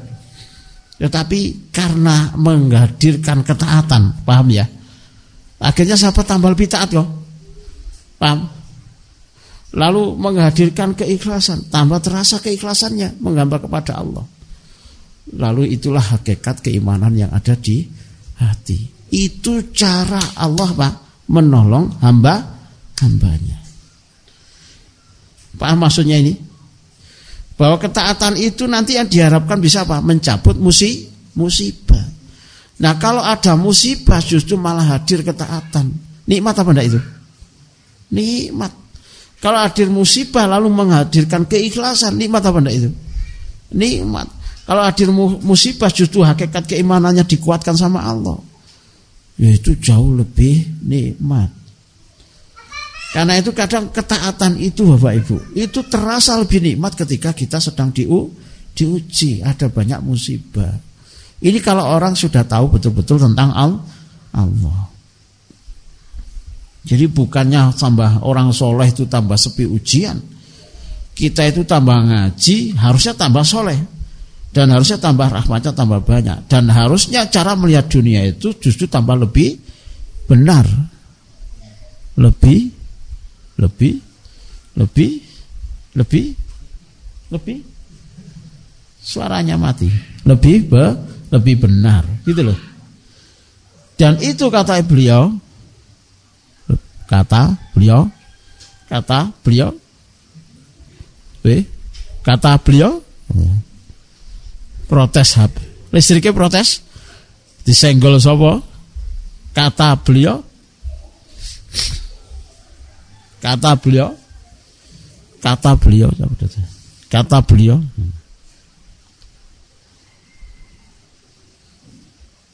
ya Pak Noerek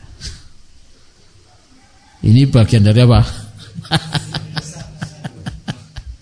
Rahmat Allah betul Ngaji enak-enak di pedot. Ana sing sabotage.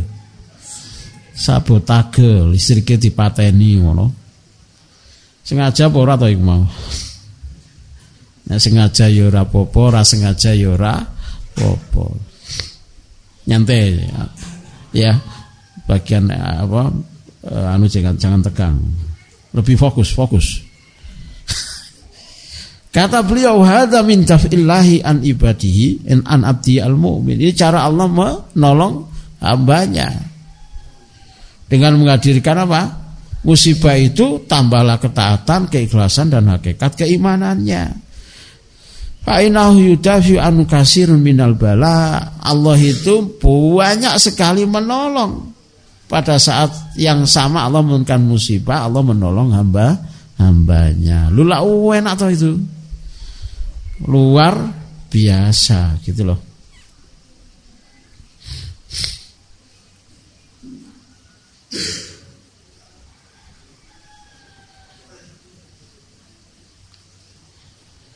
Wa idza kana la lahu ini kalau wa idza kana la lahu. Kalau itu sebuah konsekuensi bahwa ketika Allah menurunkan musibah berarti ada apa? Kalau Allah menguji berarti ada apa? Ada pertolongan, gitu ya. Ingat ya, kalau statusnya diuji berarti ada pertolongan. Kalimat yang dipakai oleh beliau, fa idza kana la lahu min sayin minhu apa daf'un anhu. Adanya pertolongan dari Allah untuk menolak musibah itu apa yang sakolahu wa ma, wa maunatahu masakotahu wa maka dia akan memikulnya dengan terasa apa? Ringan gitu loh. Untuk me, menolak semua itu ya. Artinya yang yang terasa berat yang terasa lelah yang terasa payah dan yang sejenisnya itu menjadi hilang. Menjadi apa? Tersingkirkan. Maka Allah menghilangkan apa? Rasaan beratnya, rasaan payahnya, rasaan lelahnya dan semua yang mengiringi musibah itu. Wa idza kana lahu apabila itu wajib konsekuensinya bagi orang soleh ditolong sama Allah ya maka Allah akan menghilangkan apa? Takolah apa sesuatu yang memberatkan diri dirinya yang telah memberatkan dirinya. Wa ma'unatahu yang membuat dia lelah. Wa masakotahu yang membuat apa? Payah. Wa tabi'atahu dan begitu seterus terusnya. Masya Allah. Kenapa? Karena dia tambah taat. Dengan musibah dia tambah taat. Dengan musibah sholat malamnya bertambah lama. Sujudnya bertambah lama lalu tambah nangis gitu loh keikhlasannya hari diperbaiki, ditinggikan, lalu hakikat keimanannya justru tambah muncul di hatinya. Maka seperti ini pasti ditolong oleh Allah. Kalau ternyata pertolongan Allah itu sebuah keharusan bagi orang yang kalau diuji musibah dia tambah taat, ikhlas dan tambah muncul hakikat keimanannya, maka Allah akan mengusir semua rasa lelah, rasa berat, rasa lelah, rasa payah dan semua konsekuensi dari musibah tersebut. Kalau sudah diusir rasa beratnya, lelahnya, payahnya dan semuanya, berarti saat musibah itu datang, rasanya apa?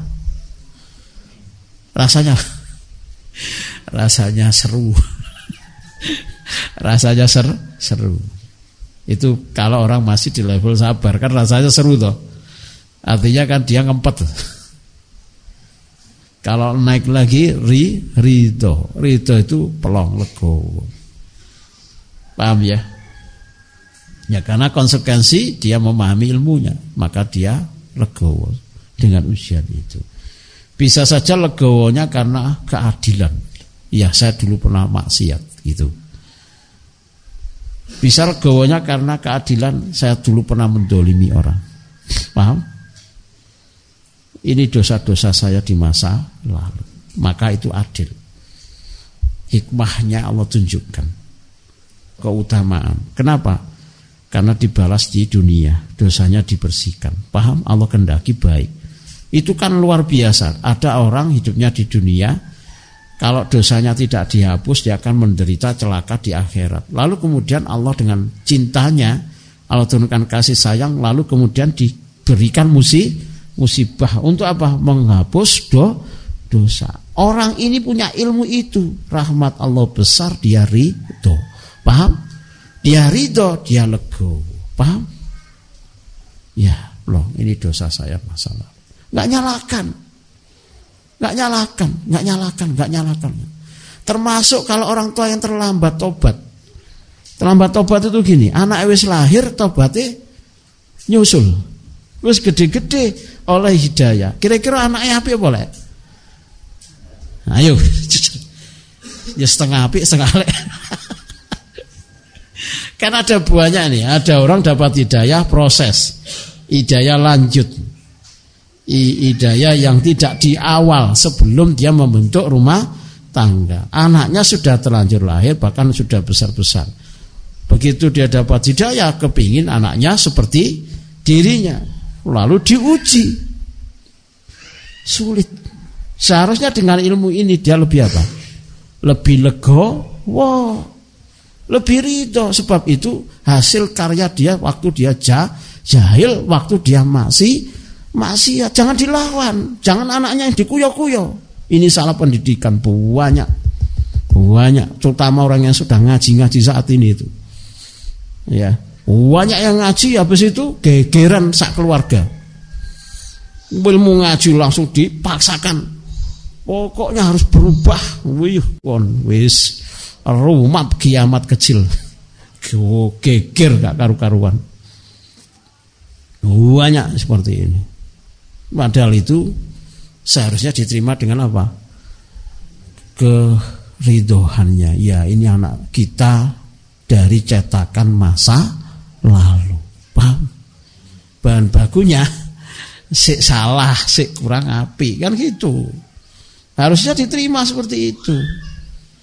Lalu pelan-pelan terus merengek ke Allah kan minta agar diberi apa? Terus rahmatnya agar anak-anak yang dulu ya terlahir dan besar belum dapat hidayah, Allah berikan hidayah.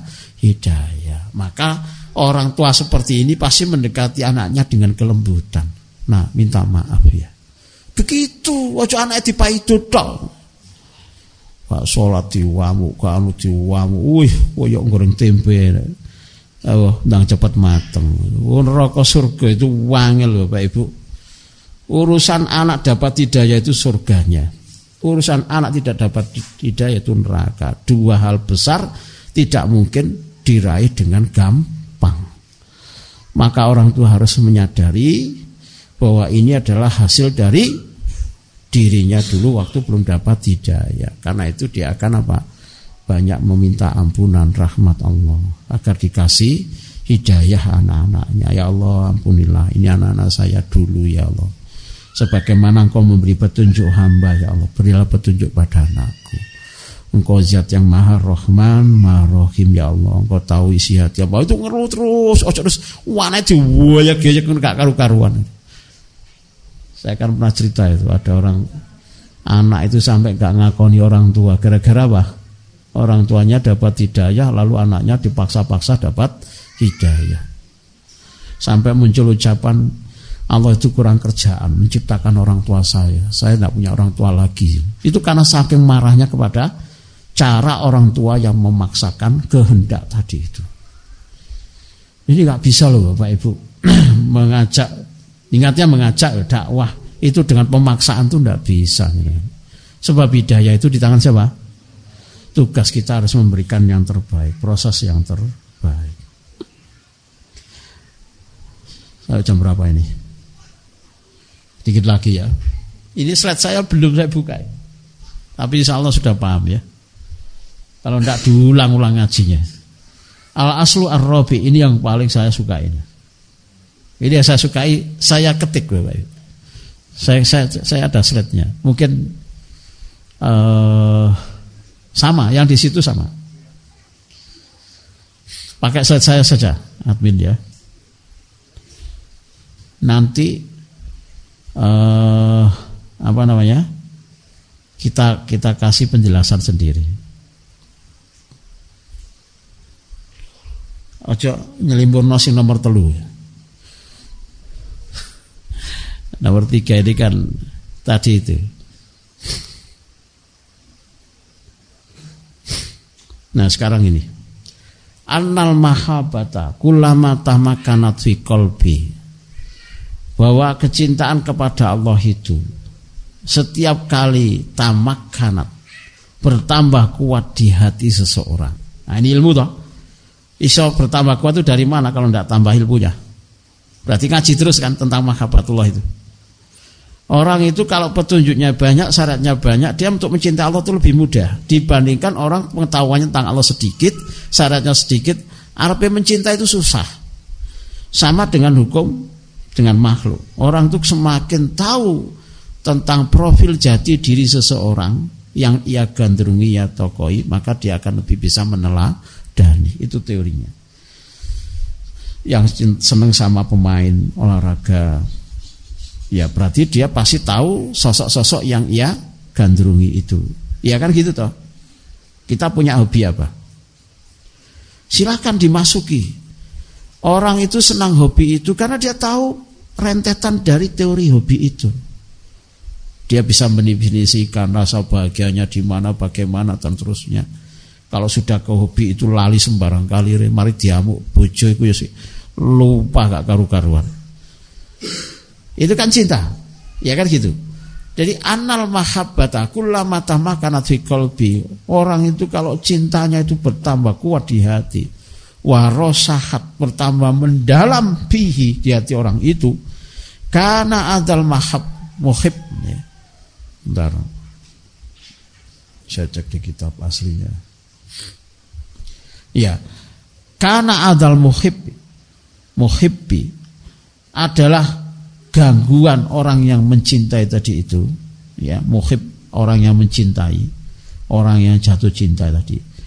Fi ridho mahbubihi apa dalam keridhaan terhadap zat yang ia cintai yaitu Allah mustahalla ghaira mashutin itu terasa lebih nikmat tanpa ia benci ghaira mashut Masya Allah kan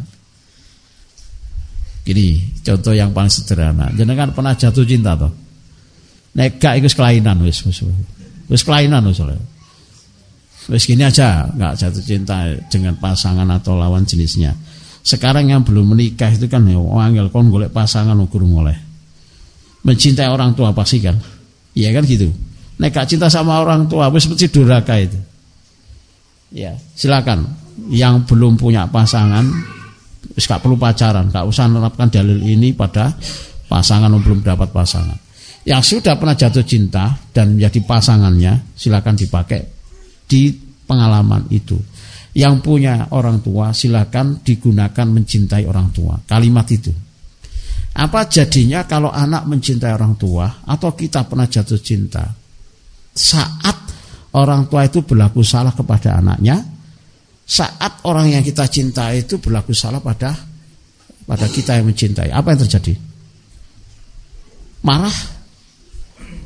Sampai marah nanggone kekasih. Ya dipredel sama di reseno di talak langsung. Lu sampai kok ngene masuk kita belum nikah sama ini nesu, gak sih terus naik. Kita nggak perlu jadian lagi wis. Gak yang yang aku jauh sepuro lah ngono kan paham ya maksud saya? Ya, bahkan dia mampu menahan tanpa benci sebab demi apa? Mendapatkan cintanya kekasih. Itu kalimat yang dipakai oleh beliau. Apa? Mustahil la ghaira masfutin.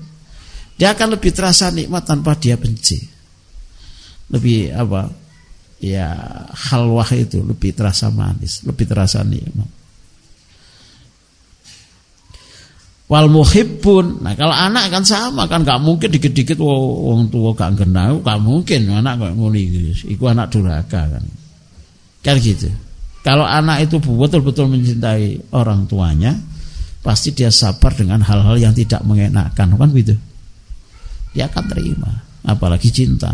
Sama dengan orang tua yang mencintai anak anaknya. Kalau dia cinta betul, misalkan anaknya yang belum dewasa, meskipun umurnya sudah dewasa, kan belum tentu umur dewasa itu anaknya dewasa, kan betul gitu ya. Tapi kalau orang tua kan harus dewasa, wong wis wong tua.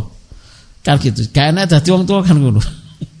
Kudu bener terus nek anake gak oleh diprotes nek salah. Kudu dikasih apa? ruang di pemakluman yang lebih luas. Kenapa? Karena dia anak, paham? Dia belum di level diri dirinya. Maka anak ketika salah itu lebih bisa apa? Dimong. Tidak apa-apa. Wong dia masih pro proses. Paham tidak? Jangan sampai keliru loh. Sampai gede loh. Gede kan apa nih? Gede fisiknya, gede umurnya. Bukti ini kan belum dewasa. Nah, belum dewasa iku anak-anak sampean dhewe sampean lono. Lah sing salah sapa nek anake gurung dewasa? Ayo coba. Nek dadi aku dadi anake ngene. Lho wis gedhe. Iya aku gedhe gurung dewasa. Lho kok iso durung dewasa? Lah iso apa sing didik aku? Wah anak pinter kok. Iki kan karya sampean gak berhasil didik aku. Wis gedhe gak dewasa. Iku karya sampean. Wah piye jajal? Kurang ajar lho, malah malah kayak ngono iku didik aku malah bales kurang ajar juga sampean ngono. Wah anake pinter kok. Paham maksud saya? Al jazak min jizil amal. Kalau jenengan memberi ruang anak berproses, maka anak itu juga membalas, mengambil contoh. Kesalahan orang tua pun juga akan pasti ditoleransi. Mungkin orang tua saya lelah, berat mencari, menghidupi saya. Itu akan gampang ngeklik. Kalau apa yang yang dilihat hanya perfectnya saja nggak bisa melihat kekurangan wah itu mesti tukaran itu mesti teng tengkar apalagi kalau maunya enak saja ya nggak bisa. Kembali kepada penjelasan beliau. Warasakat fi kana adal muhibbi fi ridho mahbubihi mustahal ghairu maskutin wal muhibbun orang yang jatuh cinta itu yang mencintai itu yahta yahtahurun ya sebentar saya cek. Salah ngetik saya. Orang yang mencintai itu punya hakikat punya ciri yang harus terpenuhi apa itu yaftahiruna inda ahbabim bidalik justru malah berlomba-lomba bangga ya di depan kekasihnya meskipun dia disakiti. Paham tidak? Paham? Kok bisa begitu? Ya karena dia mencintai. Karena mencintai muncullah pemikiran yang lebih jauh. Apa? Sampai dibahasakan dalam syair. La insa'ani aniltani bima sa'atin. Ini syairnya bagus ini. Siapa yang sedang jatuh cinta pakai pakai kaidah ini. Ya sama pasangan tukaran pakai kaidah ini. Orang tua ke anak pakai kaidah ini. Apa kata beliau? Sungguh insani. Jika engkau menakitiku ya anil tani dengan apa yang kau timpakan bima saatin. Rasa ya apa pun yang itu membuat saya sakit hati. Ya dengan keburukan-keburukan. Misalkan orang tua wis gede terus anaknya balas elek. Itu jangan langsung dicacat sabar dulu. Ya dengan sabar itu bisa membalikkan kondisi anak wong tuaku tak dolimi terus tapi sabar akhirnya lembut tak anak? Lembut tapi kalau sampai sahur manuk ngerti sahur manuk? Wana ing wanu wis sampe nyowaut wis perang pedang terus tiap hari. Pokoknya tangi jedul isu walu tukaran, wanu tukaran, masalah tempat tidur tukaran, tangi telah tukaran, wis pokoknya tukaran. Gak kora-kora tukaran, suciane ngelompok tukaran, wis pokoknya meneng tok penggawe gak gak nyambut gawe tukaran ya itu. Ya nggak bisa. Tapi lihat kaidah seperti ini. Lain sa'an ya anil tani bima sa'atin kalau kesedihanku sebab engkau menimpahkan apa keburukan kepadaku lakot sar sarroni sungguh itu membuatku aku bahagia wah hebat ya kenapa begitu ani kenapa begitu ani bahwasanya aku itu kotor tu bibalika itu teringat di dalam benakmu wah oh jatuh cinta Sepokoknya nek ana ana pikirane kekasih itu, masa aku didolimi, itu wis seneng. Mergo apa? Berarti aku sampean ilingi. Paham? Oh, jenenge cinta buta. Tai kucing rasa membuat pasangannya itu apa? Eling tentang dirinya walaupun dengan bahasa menyakiti. Orang yang sudah jatuh cintanya buta itu malah sen seneng. Maka kata beliau apa? Yaftahiruna indah ahbabi bidzalik mereka justru malah berbangga-bangga aku wingi diwamuk mbek pasanganku sana wingi bojoku tak cowinta iki ngamuk sing tak cowinta iku ngamuk tapi itu membuat aku bahagia. Kenapa? Karena aku dalam pikirannya.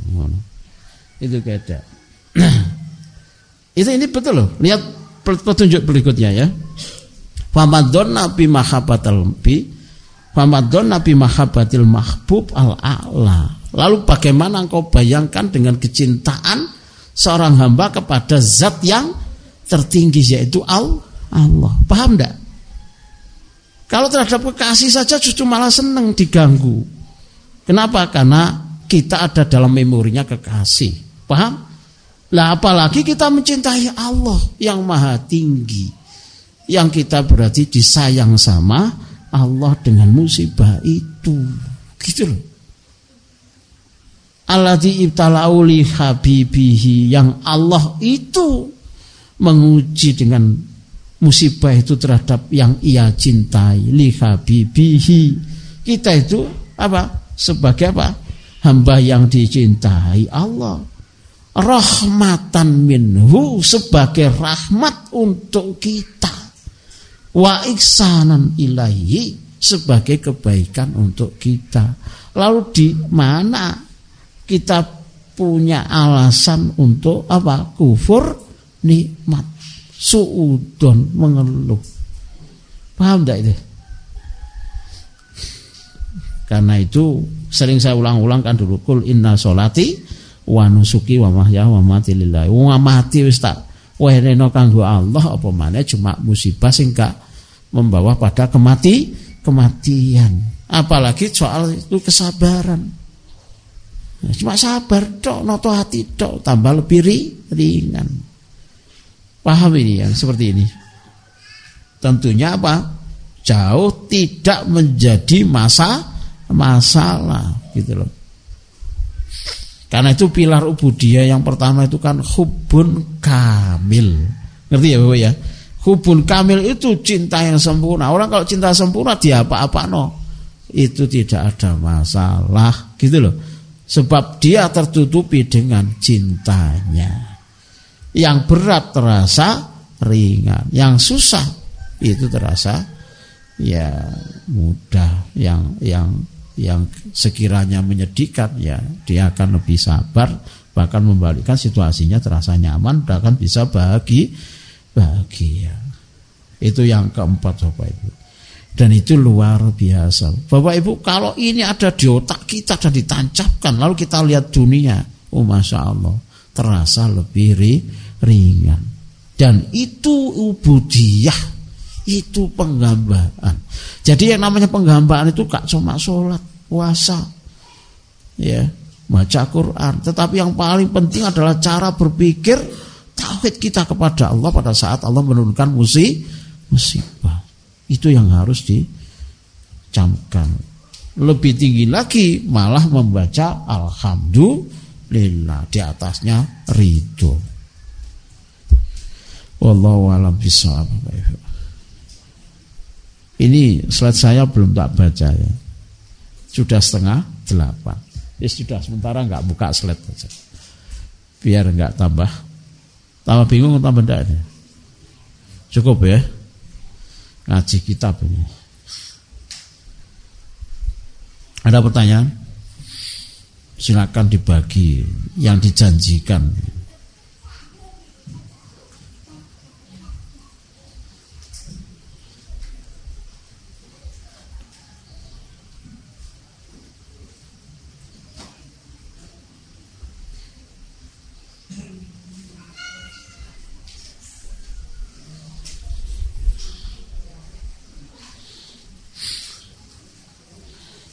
Ada yang tanya enggak di anu? Di online? Admin? Enggak ada.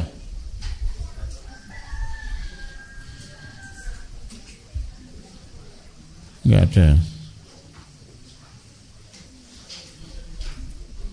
Di sini ada yang tanya? Ibu-ibunya?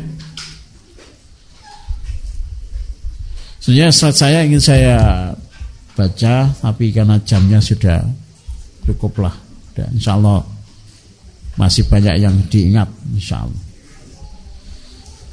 Baik Bapak Ibu kalau enggak ada kita sudahi kita akhiri. Wallahu alam bisawab wallahu musta'an. Semoga Allah memudahkan kita untuk mengamalkan apa yang barusan kita ikhtiari dari ilmu Semoga Allah senantiasa menambah petunjuk sehingga rahmat Allah juga bertambah ya. Barakallahu fikum subhanakallah wa bihamdika illa anta astaghfiruka wa atubu ilaik. Assalamualaikum warahmatullahi wabarakatuh.